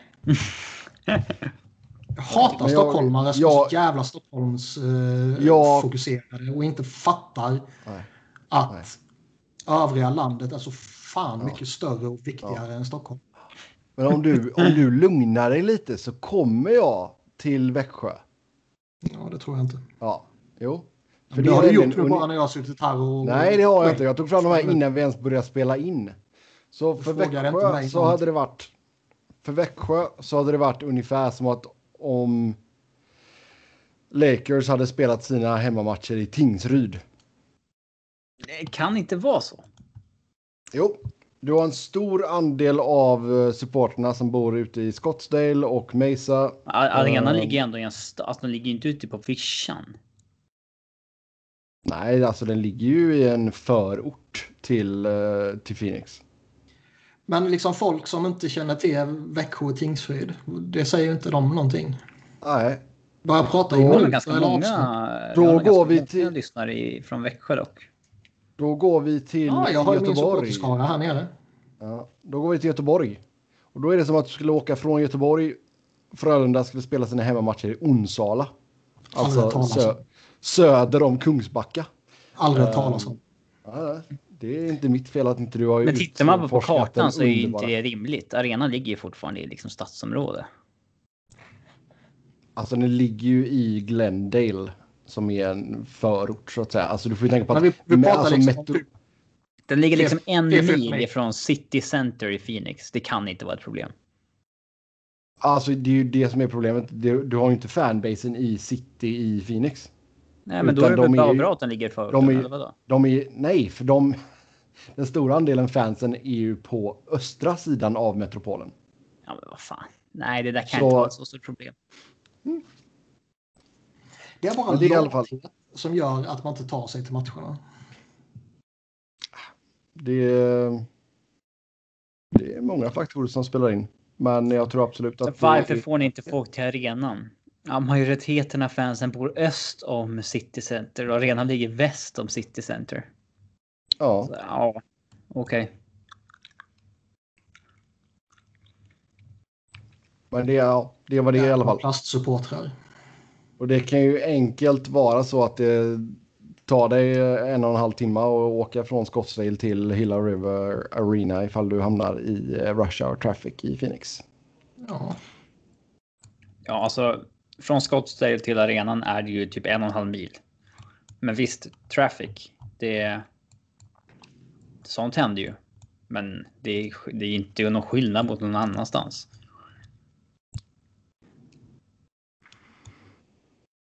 Alltså det är... Hela jävla organisationen. ja. Så är det i alla fall. Så vi får väl hoppas att det vi körde våra tre städer här i Sverige. Så får vi se ifall det hjälpte någonting. Sen vad händer med Panarin?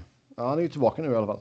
Uh, och så här i backspegeln, vilka är de största off-ice-skandalerna genom tiderna? Patrick Kane, Tim Thomas i all ära, men Mike Danton ligger väl etta eller? Och Mike Danton då. Vi är lite för unga för att ändå liksom eh, vara med när Mike Danton-grejen skedde. Att det var så här liksom. Det fanns ju inte Twitter och det på samma sätt. Att det, Nej, jag kommer ihåg. och han var ju ganska nobody.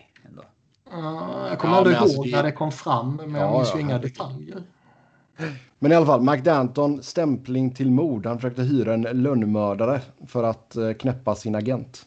Ja, det har vi alla gjort någon gång. Vem har inte gjort det någon gång? Liksom? Niklas agent, vilket jävla mardrömsjobb. Eh, Bara behöva ringa va? Nu har du sagt den här skiten igen. Ja. Ehm. Men Det är sen, väl ja, svårt att... Det är svårt att ta den här, det här greppet över eh, ligans hundraåriga historia. mm, Eh, det Ja, känns som att det kan ha hänt eh, jävligt smutsiga grejer liksom 1923 som eh, Knappt klassades som skandal då. Ja, eller som inte ens uppmärksammades.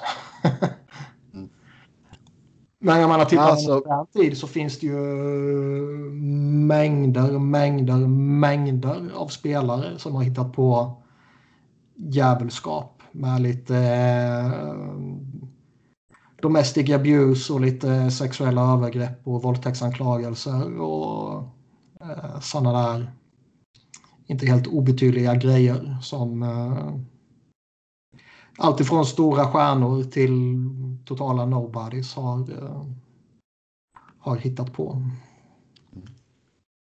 ja.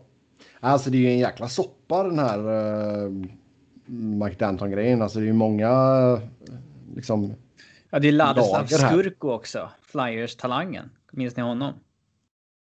Han som mördade en domare och grävde ner honom i skogen va? Nej, det kommer jag inte ihåg. Ja, men det, är väl, det är klart som fan du kommer ihåg. Vad hette han? Ladislav Skurko. Född 86. Draftad av Flyers eh, i sjätte rundan 2004.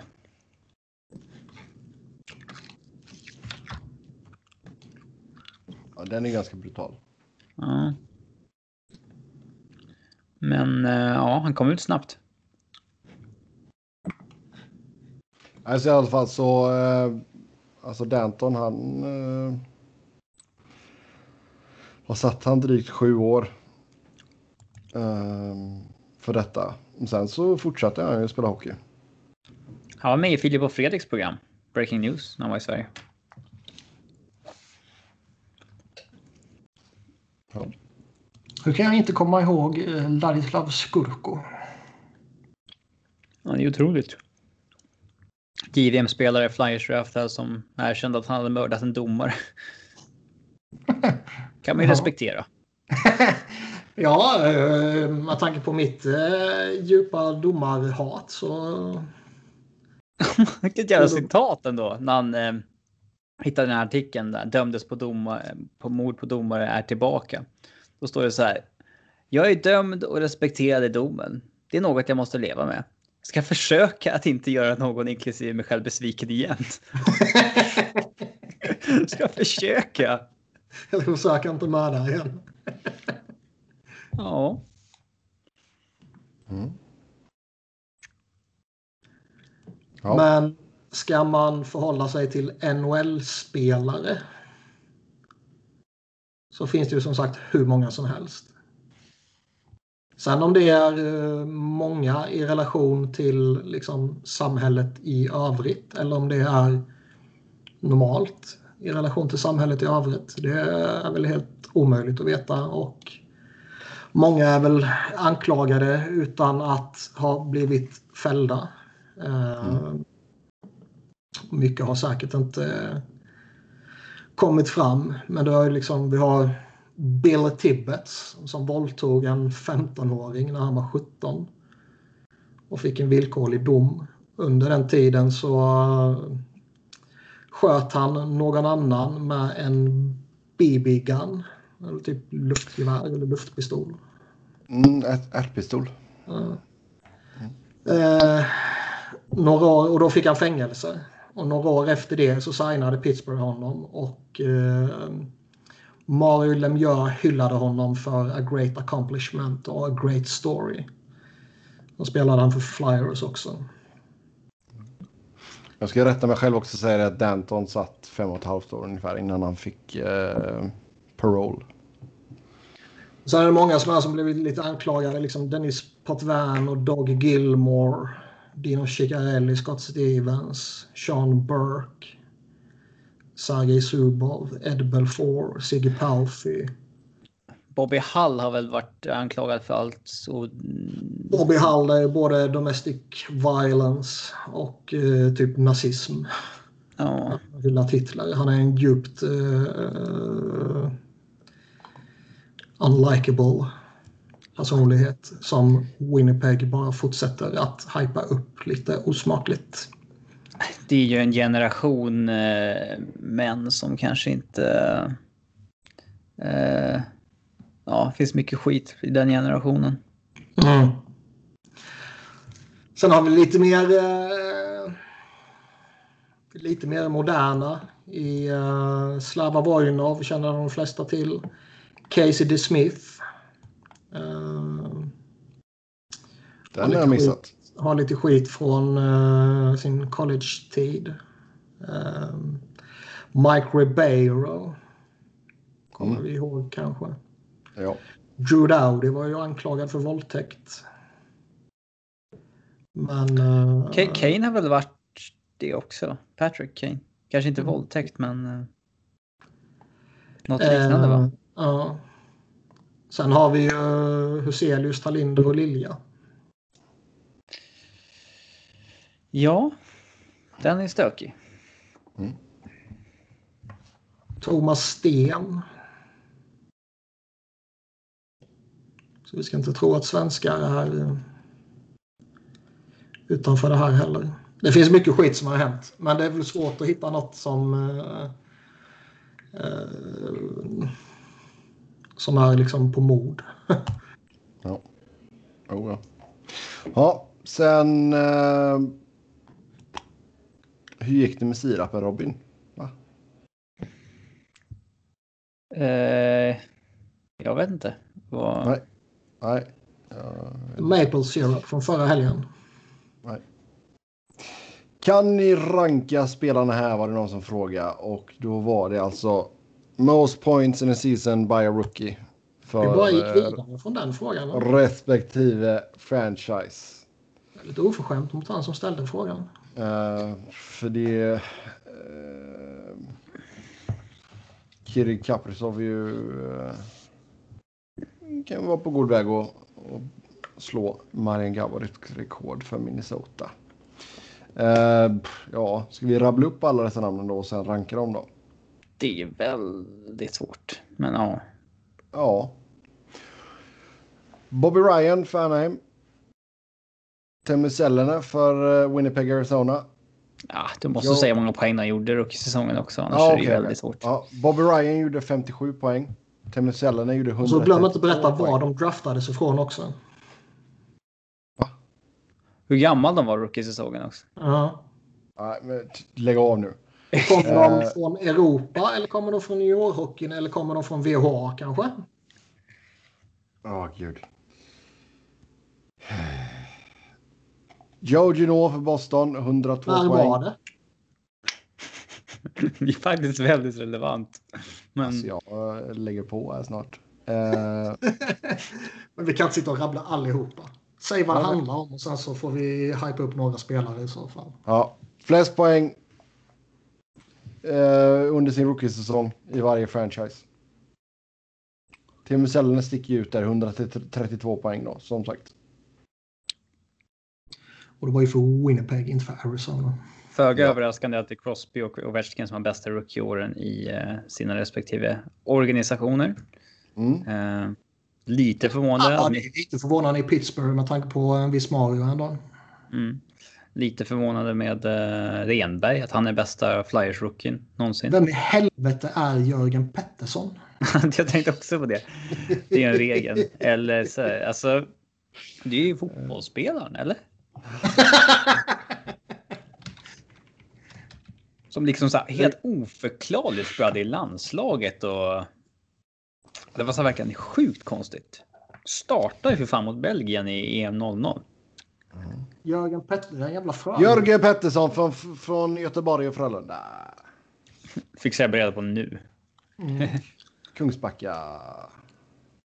Mm. Han har ju då poängrekordet för Blues. Ja. Jörgen Pettersson was the first Gothenburg native to play in the NHL. Mm. Säsongen Vilken 80-81. fullkomligt irrelevant spelare. Det är några man skäms för. Alltså så här, skulle Scott Gomez vara bästa rookien som Devils har haft? Den är ju lite pinsam.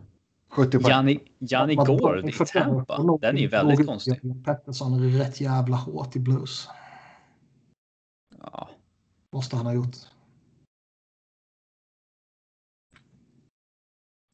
Nej, det blir oerhört svårt att ranka dessa. Alltså så här, ska man ställa Neil Brottens säsong mot uh, Joe Newendikes säsong? Så är vem av de som var bäst den säsongen. Han var ingen playoff performer, Pettersson. Du är kvar där alltså. Han är i Gothenburg Sports Hall of Fame. Men alltså om vi, om vi tittar på de som har lägst poäng. Då har vi Pierre-Luc Dubois. För Columbus. 48 pinnar. Säger mycket om den jävla skitorganisationen. Pat Fallon i San Jose. 59. Fat Paloon. Eh, Alex Tuck i Vegas 37 poäng. Den är Heatley i Winnipeg. Det är kul. Mm, det är nog Atlanta. Ja. Men alltså Marian Gaborik då 36 poäng för Minnesota. Ja, Jag har Ja, aldrig haft en rookie som gjort mer än 36 poäng. Alltså. Då får man skämmas. Ja. Lägg ner skitorganisationen. Så ja. Nej men alltså Teemu Selänne fan 132 poäng. Den är svår att snacka bort. 76 mål. Bättre rookie någonsin. Ska vi slå fast det? kan vi göra va? Ja. Bra. Bara titta hur många som har gjort mer mål än honom. Då tar vi nästa fråga. Objektivt sett, om ni fick välja ett lag att bli GM för imorgon, vilket hade ni valt? Jag jobbar inte objektivt och säger Flyers. Du hade jobbat objektivt och sagt Islanders. Okej, det är bra. Men vilket lag hade varit intressantast att ta över? Det... Man tar Tampa och tittar på hur enkelt man faktiskt kan blåsa systemet genom att fejka en skada. Ja, men sluta. Han är ju Eh, redan tillbaka och tränar. det är klart att han blir frisk någon gång. Ja. Och vad kommer hända när han eh, är frisk och kör för fullt men ändå kommer vara skadad fram till slutspelet på grund av kappanledningar? Jag, alltså, tror folk på riktigt att Tampa har gått till sin bästa spelare och sagt att du måste sitta i år för vi har inte löneutrymme? Du får Nej. fejka skada. Nej, men jag tror på det här som Elliot Friedman lobbar upp för. Att man det väljer att finns- hålla honom till slutspelet nu. Jag tror på det här som Elliot Freeman lobbade upp att det finns en toppspelare i ett topplag som var väldigt skeptisk till att spela den här säsongen.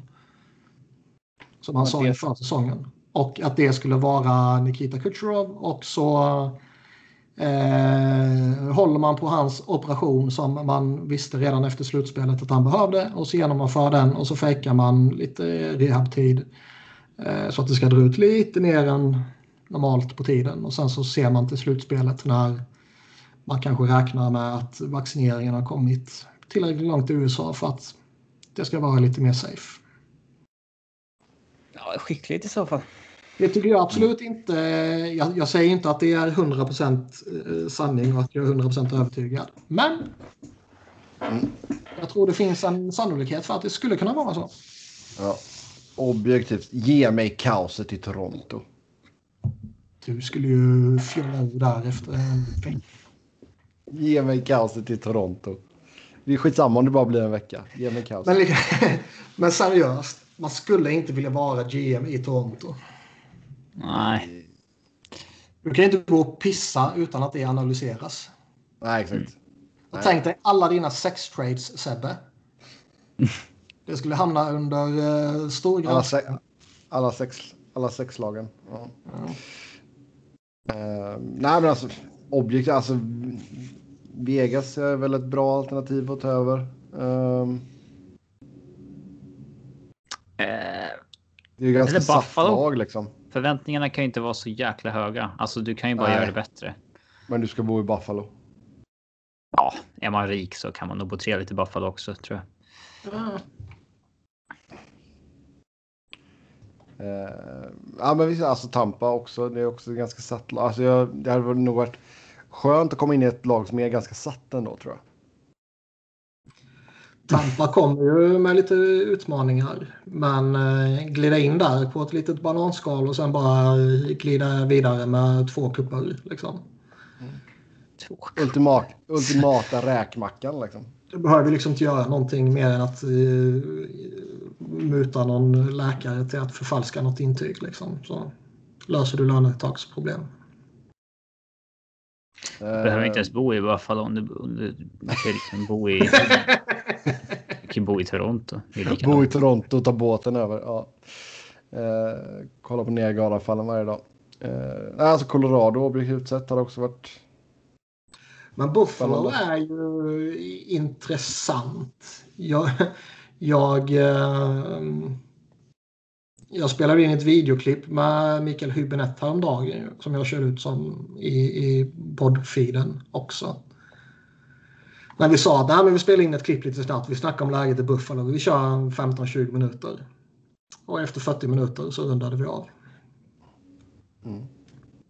Så han kör en lång schysst utläggning som jag kan rekommendera att man eh, tittar eller lyssnar på.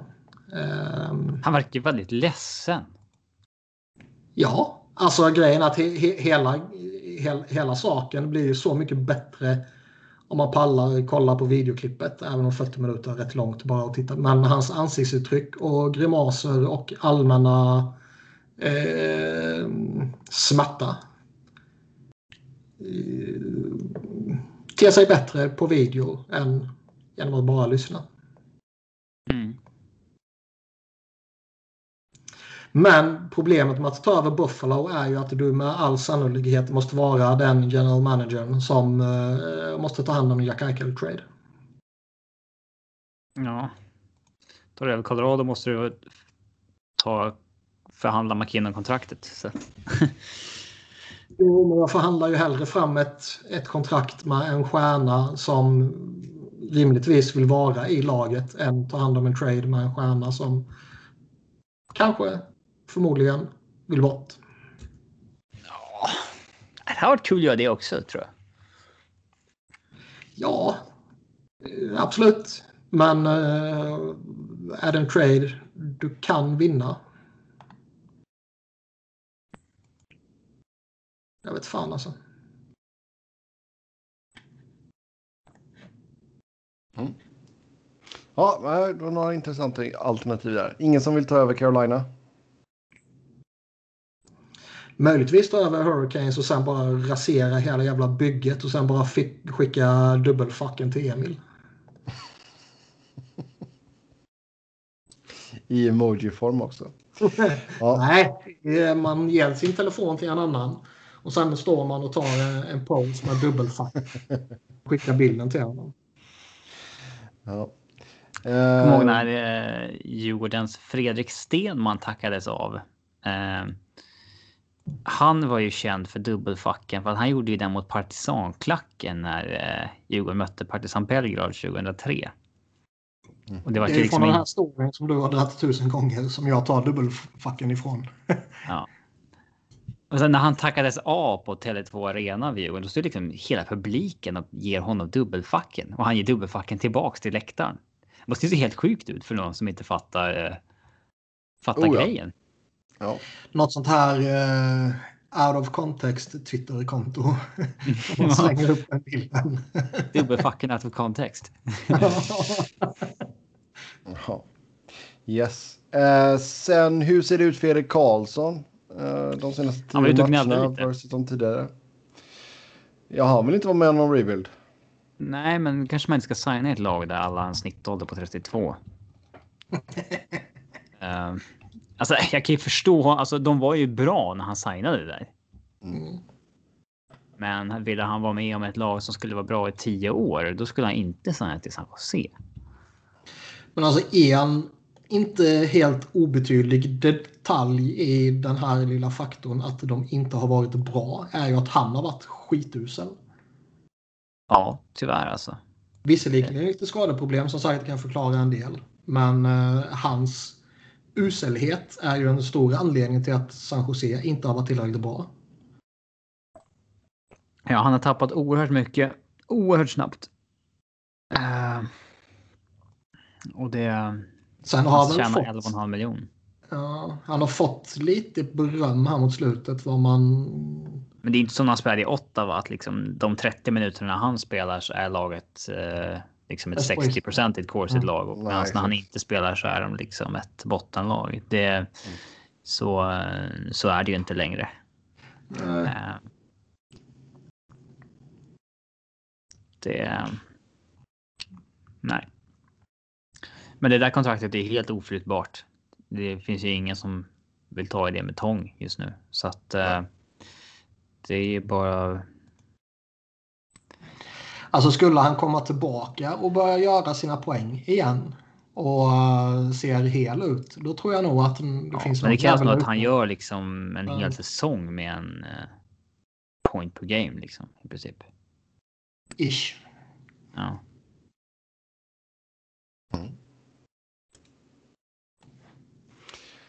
Ja. Eh, sen off topic. Vilket lag hoppas ni åker ut SHL och varför? Man vill ju se jättarna kvala.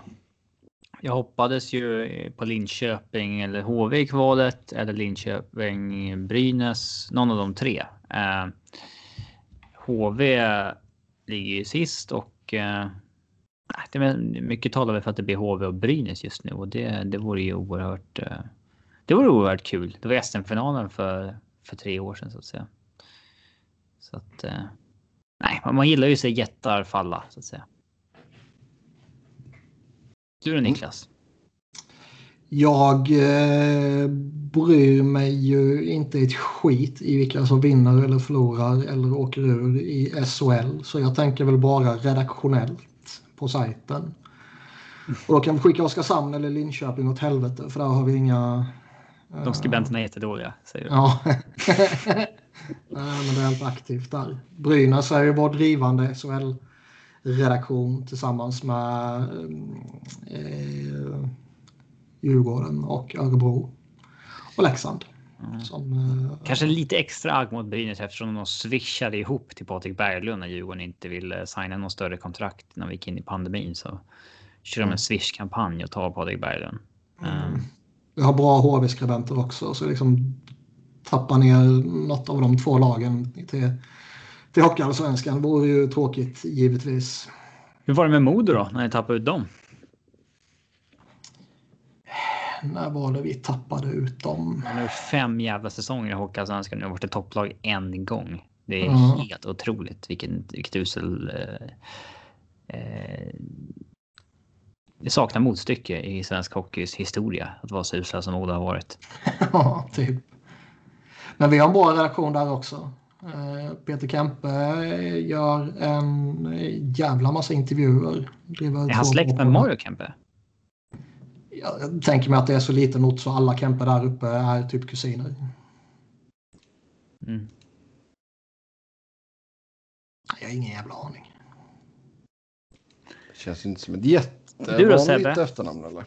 Vilka vill du ha? Äh, Säg inte Oskarshamn. Alltså jag... jag tänkte säga Oskarshamn. um,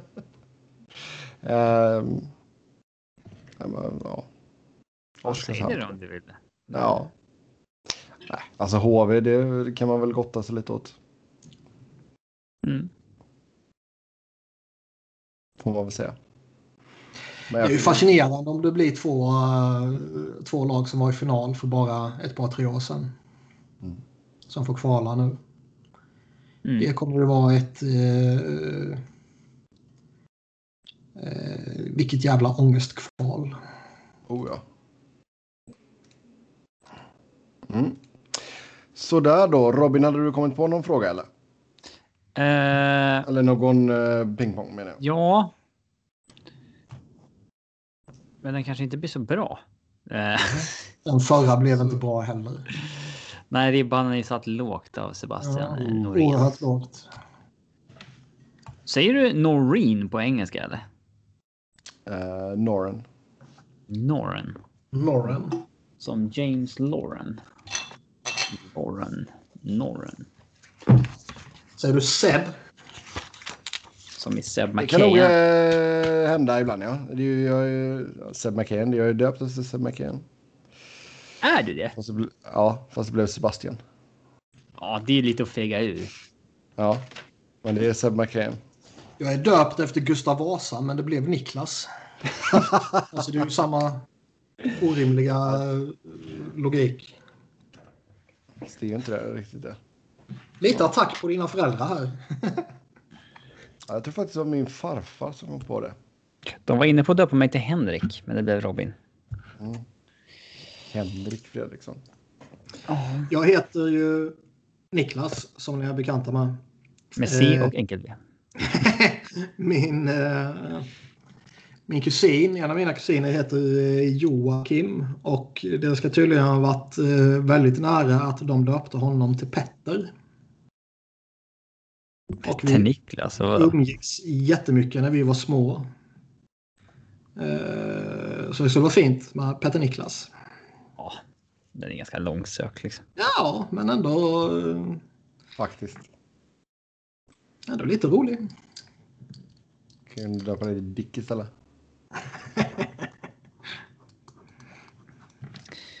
uh, nej, men vi pingpongar väl ut... Uh, uh, vi, ping vi pingpongar väl ut vilka NHL-spelare som är aktiva som har över tusen matcher i NHL. Nu så här. Det är svårt att rensa ut de som är aktiva men eh, inte är aktiva så att säga. Då ska man göra någon form av bedömning på varje en vilken som är aktiv på nästan på riktigt, men inte på riktigt och så vidare. Är aktiv i ligan. Man är aktiv. Eh, alltså, jag kommer inte rensa bort eh, Hossa. Det blir för krångligt. Så Hossa är med, fast då har vi redan sagt honom.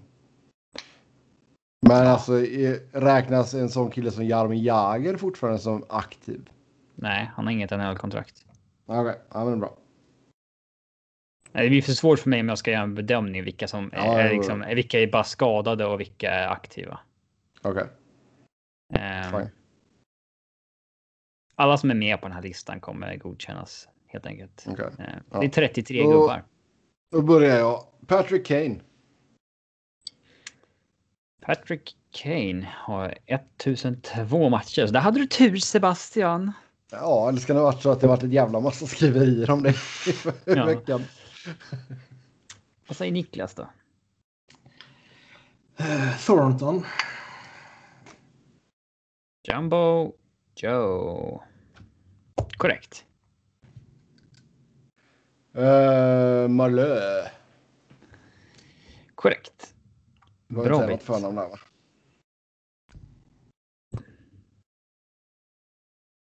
Eh,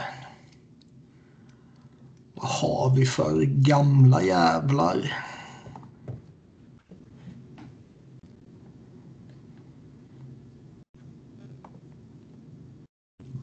Har vi inte pratat om honom? Jo, det måste vi ha gjort. Erik Stahl.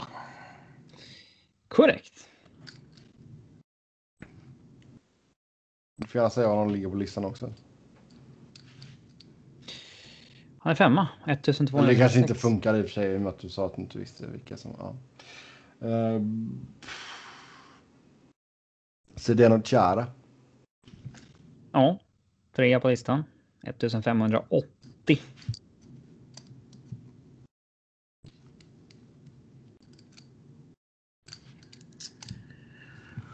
Ja. Getzlaff. Uh, Getzlaff. 1080, ja. Uh, Kopitar.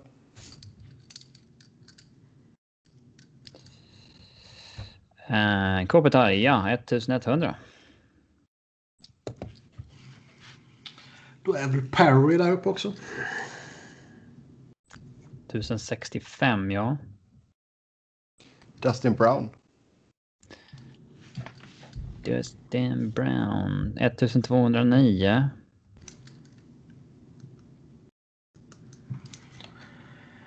Uh,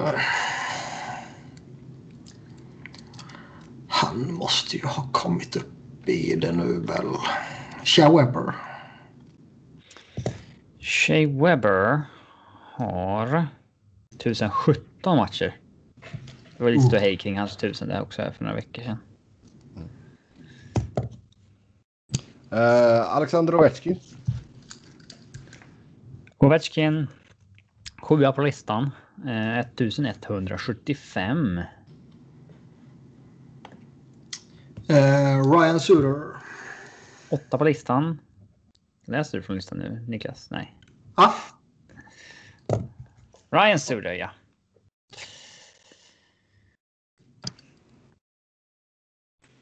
Jag har inte tagit Uh, några av de här som har egentligen lagt av, men de, är, de räknas ju fortfarande. De är ju good. Okej, de är, det är grönt ljus på dem. Ja, det var ju det jag förklarade förut. Okej, ja men då säger vi Henrik Zetterberg. Korrekt. Crosby. Han har inte lagt av. Men ja, han har tusen. Eller inte exakt tusen. Han har um, eh, 1010. Också på håret. Mm. Eh, Brent Burns. Burns ja. Bör väl ligga ganska högt upp. 1138.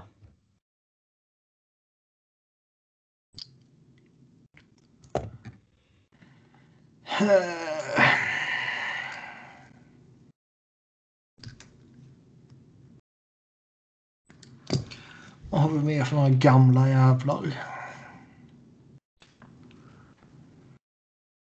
Någon gammal jävla back.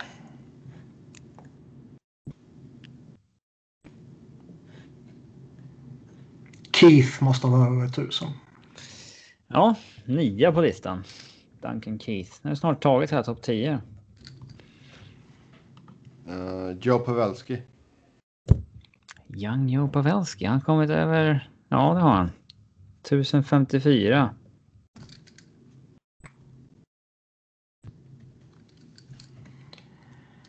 Eh, Seabrook måste ju vara då. Ja, det är han. 12 Uh, Jeff Carter. 1067 ja.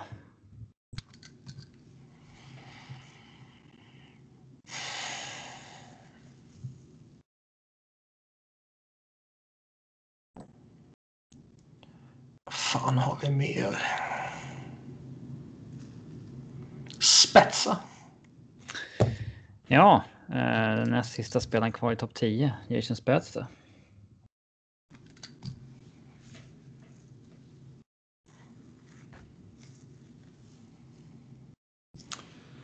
Uh, nu är ju frågan...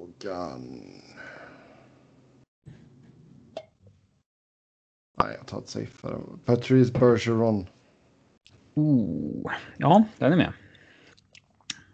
Nummer 13. Lika många matcher som Seabrock.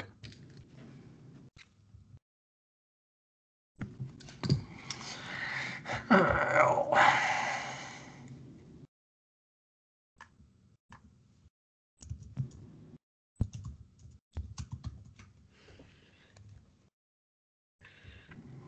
Som jag sa, det är fritt fram att ta de här som har lagt av som är aktiva.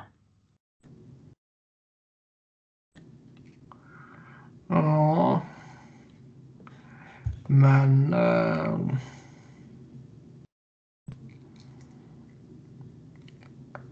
Ja. Eh, ja, Hossa då. Eh, ja, fyra på listan. Jaha, jag tror... Okej. Okay. Jag tänkte i och med att du redan sagt Nu har ni tagit den. Eh, så nu har ni tagit topp... Eh, 14 har ni tagit av 33 namn. Och sen lite smått och gott under såklart.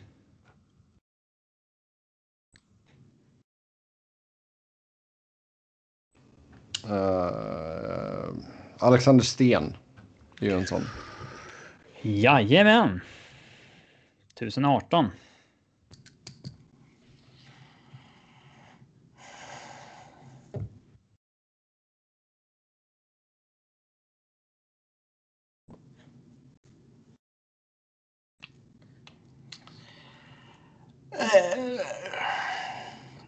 Känns det som att det är jävligt många som är ett par år över 30-årsstrecket som balanserar på gränsen. Det finns ju många. Man lobbar upp i huvudet. Det finns ju många helt precis utanför gränsen. Absolut. Uh, vad har vi mer för gamla jävlar man kan komma på?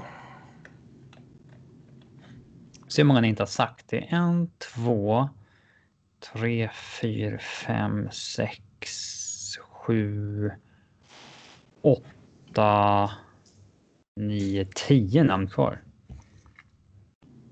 Tio namn kvar, okej. Okay. Jag har två bombsäkra och en som jag är jävligt osäker på.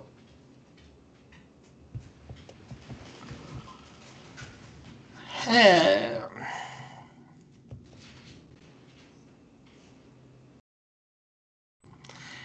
Han är ju typ äldst i ligan. Han måste ju ha tusen jävla matcher. Det är ju bara skaters för övrigt. Jag har inga målvakter med på den listan. Mm. Kanske inte nu ändå. Nej, det känns inte som det. Andy Green. Uff, fel. Smash. Keith Yandel. Boom. Japp. Keith Visst Yandel. fan, han gjorde det typ igår ju. Ja, ja visst. Uh, Ryan Geth, Kessler. Travis Sajak. Men du, jag skulle fråga det. Den jag var osäker på. Uh, I och med att han fortfarande är väl under kontrakt. Det är väl uh, Longo, va? Uh, jag har inga målvakter med i den här listan, tror jag. Ah, okay. Han har gjort över tusen som målvakt. Gaborik, uh, Mikko Koivu. Gaborik. Andrew Cogliano tar man inte på uppstuds. Uh, eller Valtteri Filppula. Uh, Zach Parise. Uh, Mark Edward Vlasic. Fast den är svår ändå i och med att han har varit lite skadad och sådär Parisi. Ja, det är där jag, kommer, jag är förvånad med att ni inte tar nummer 15 med 1094 matcher. Aldrig skadad. Phil Kessel. Phil Kessel. Ja. Mm.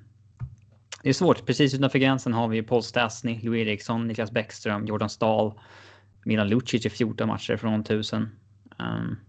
Mm, Bäckström och Lucic var jag inne på, men det kändes som att fan, man har inte hört något om Bäckström.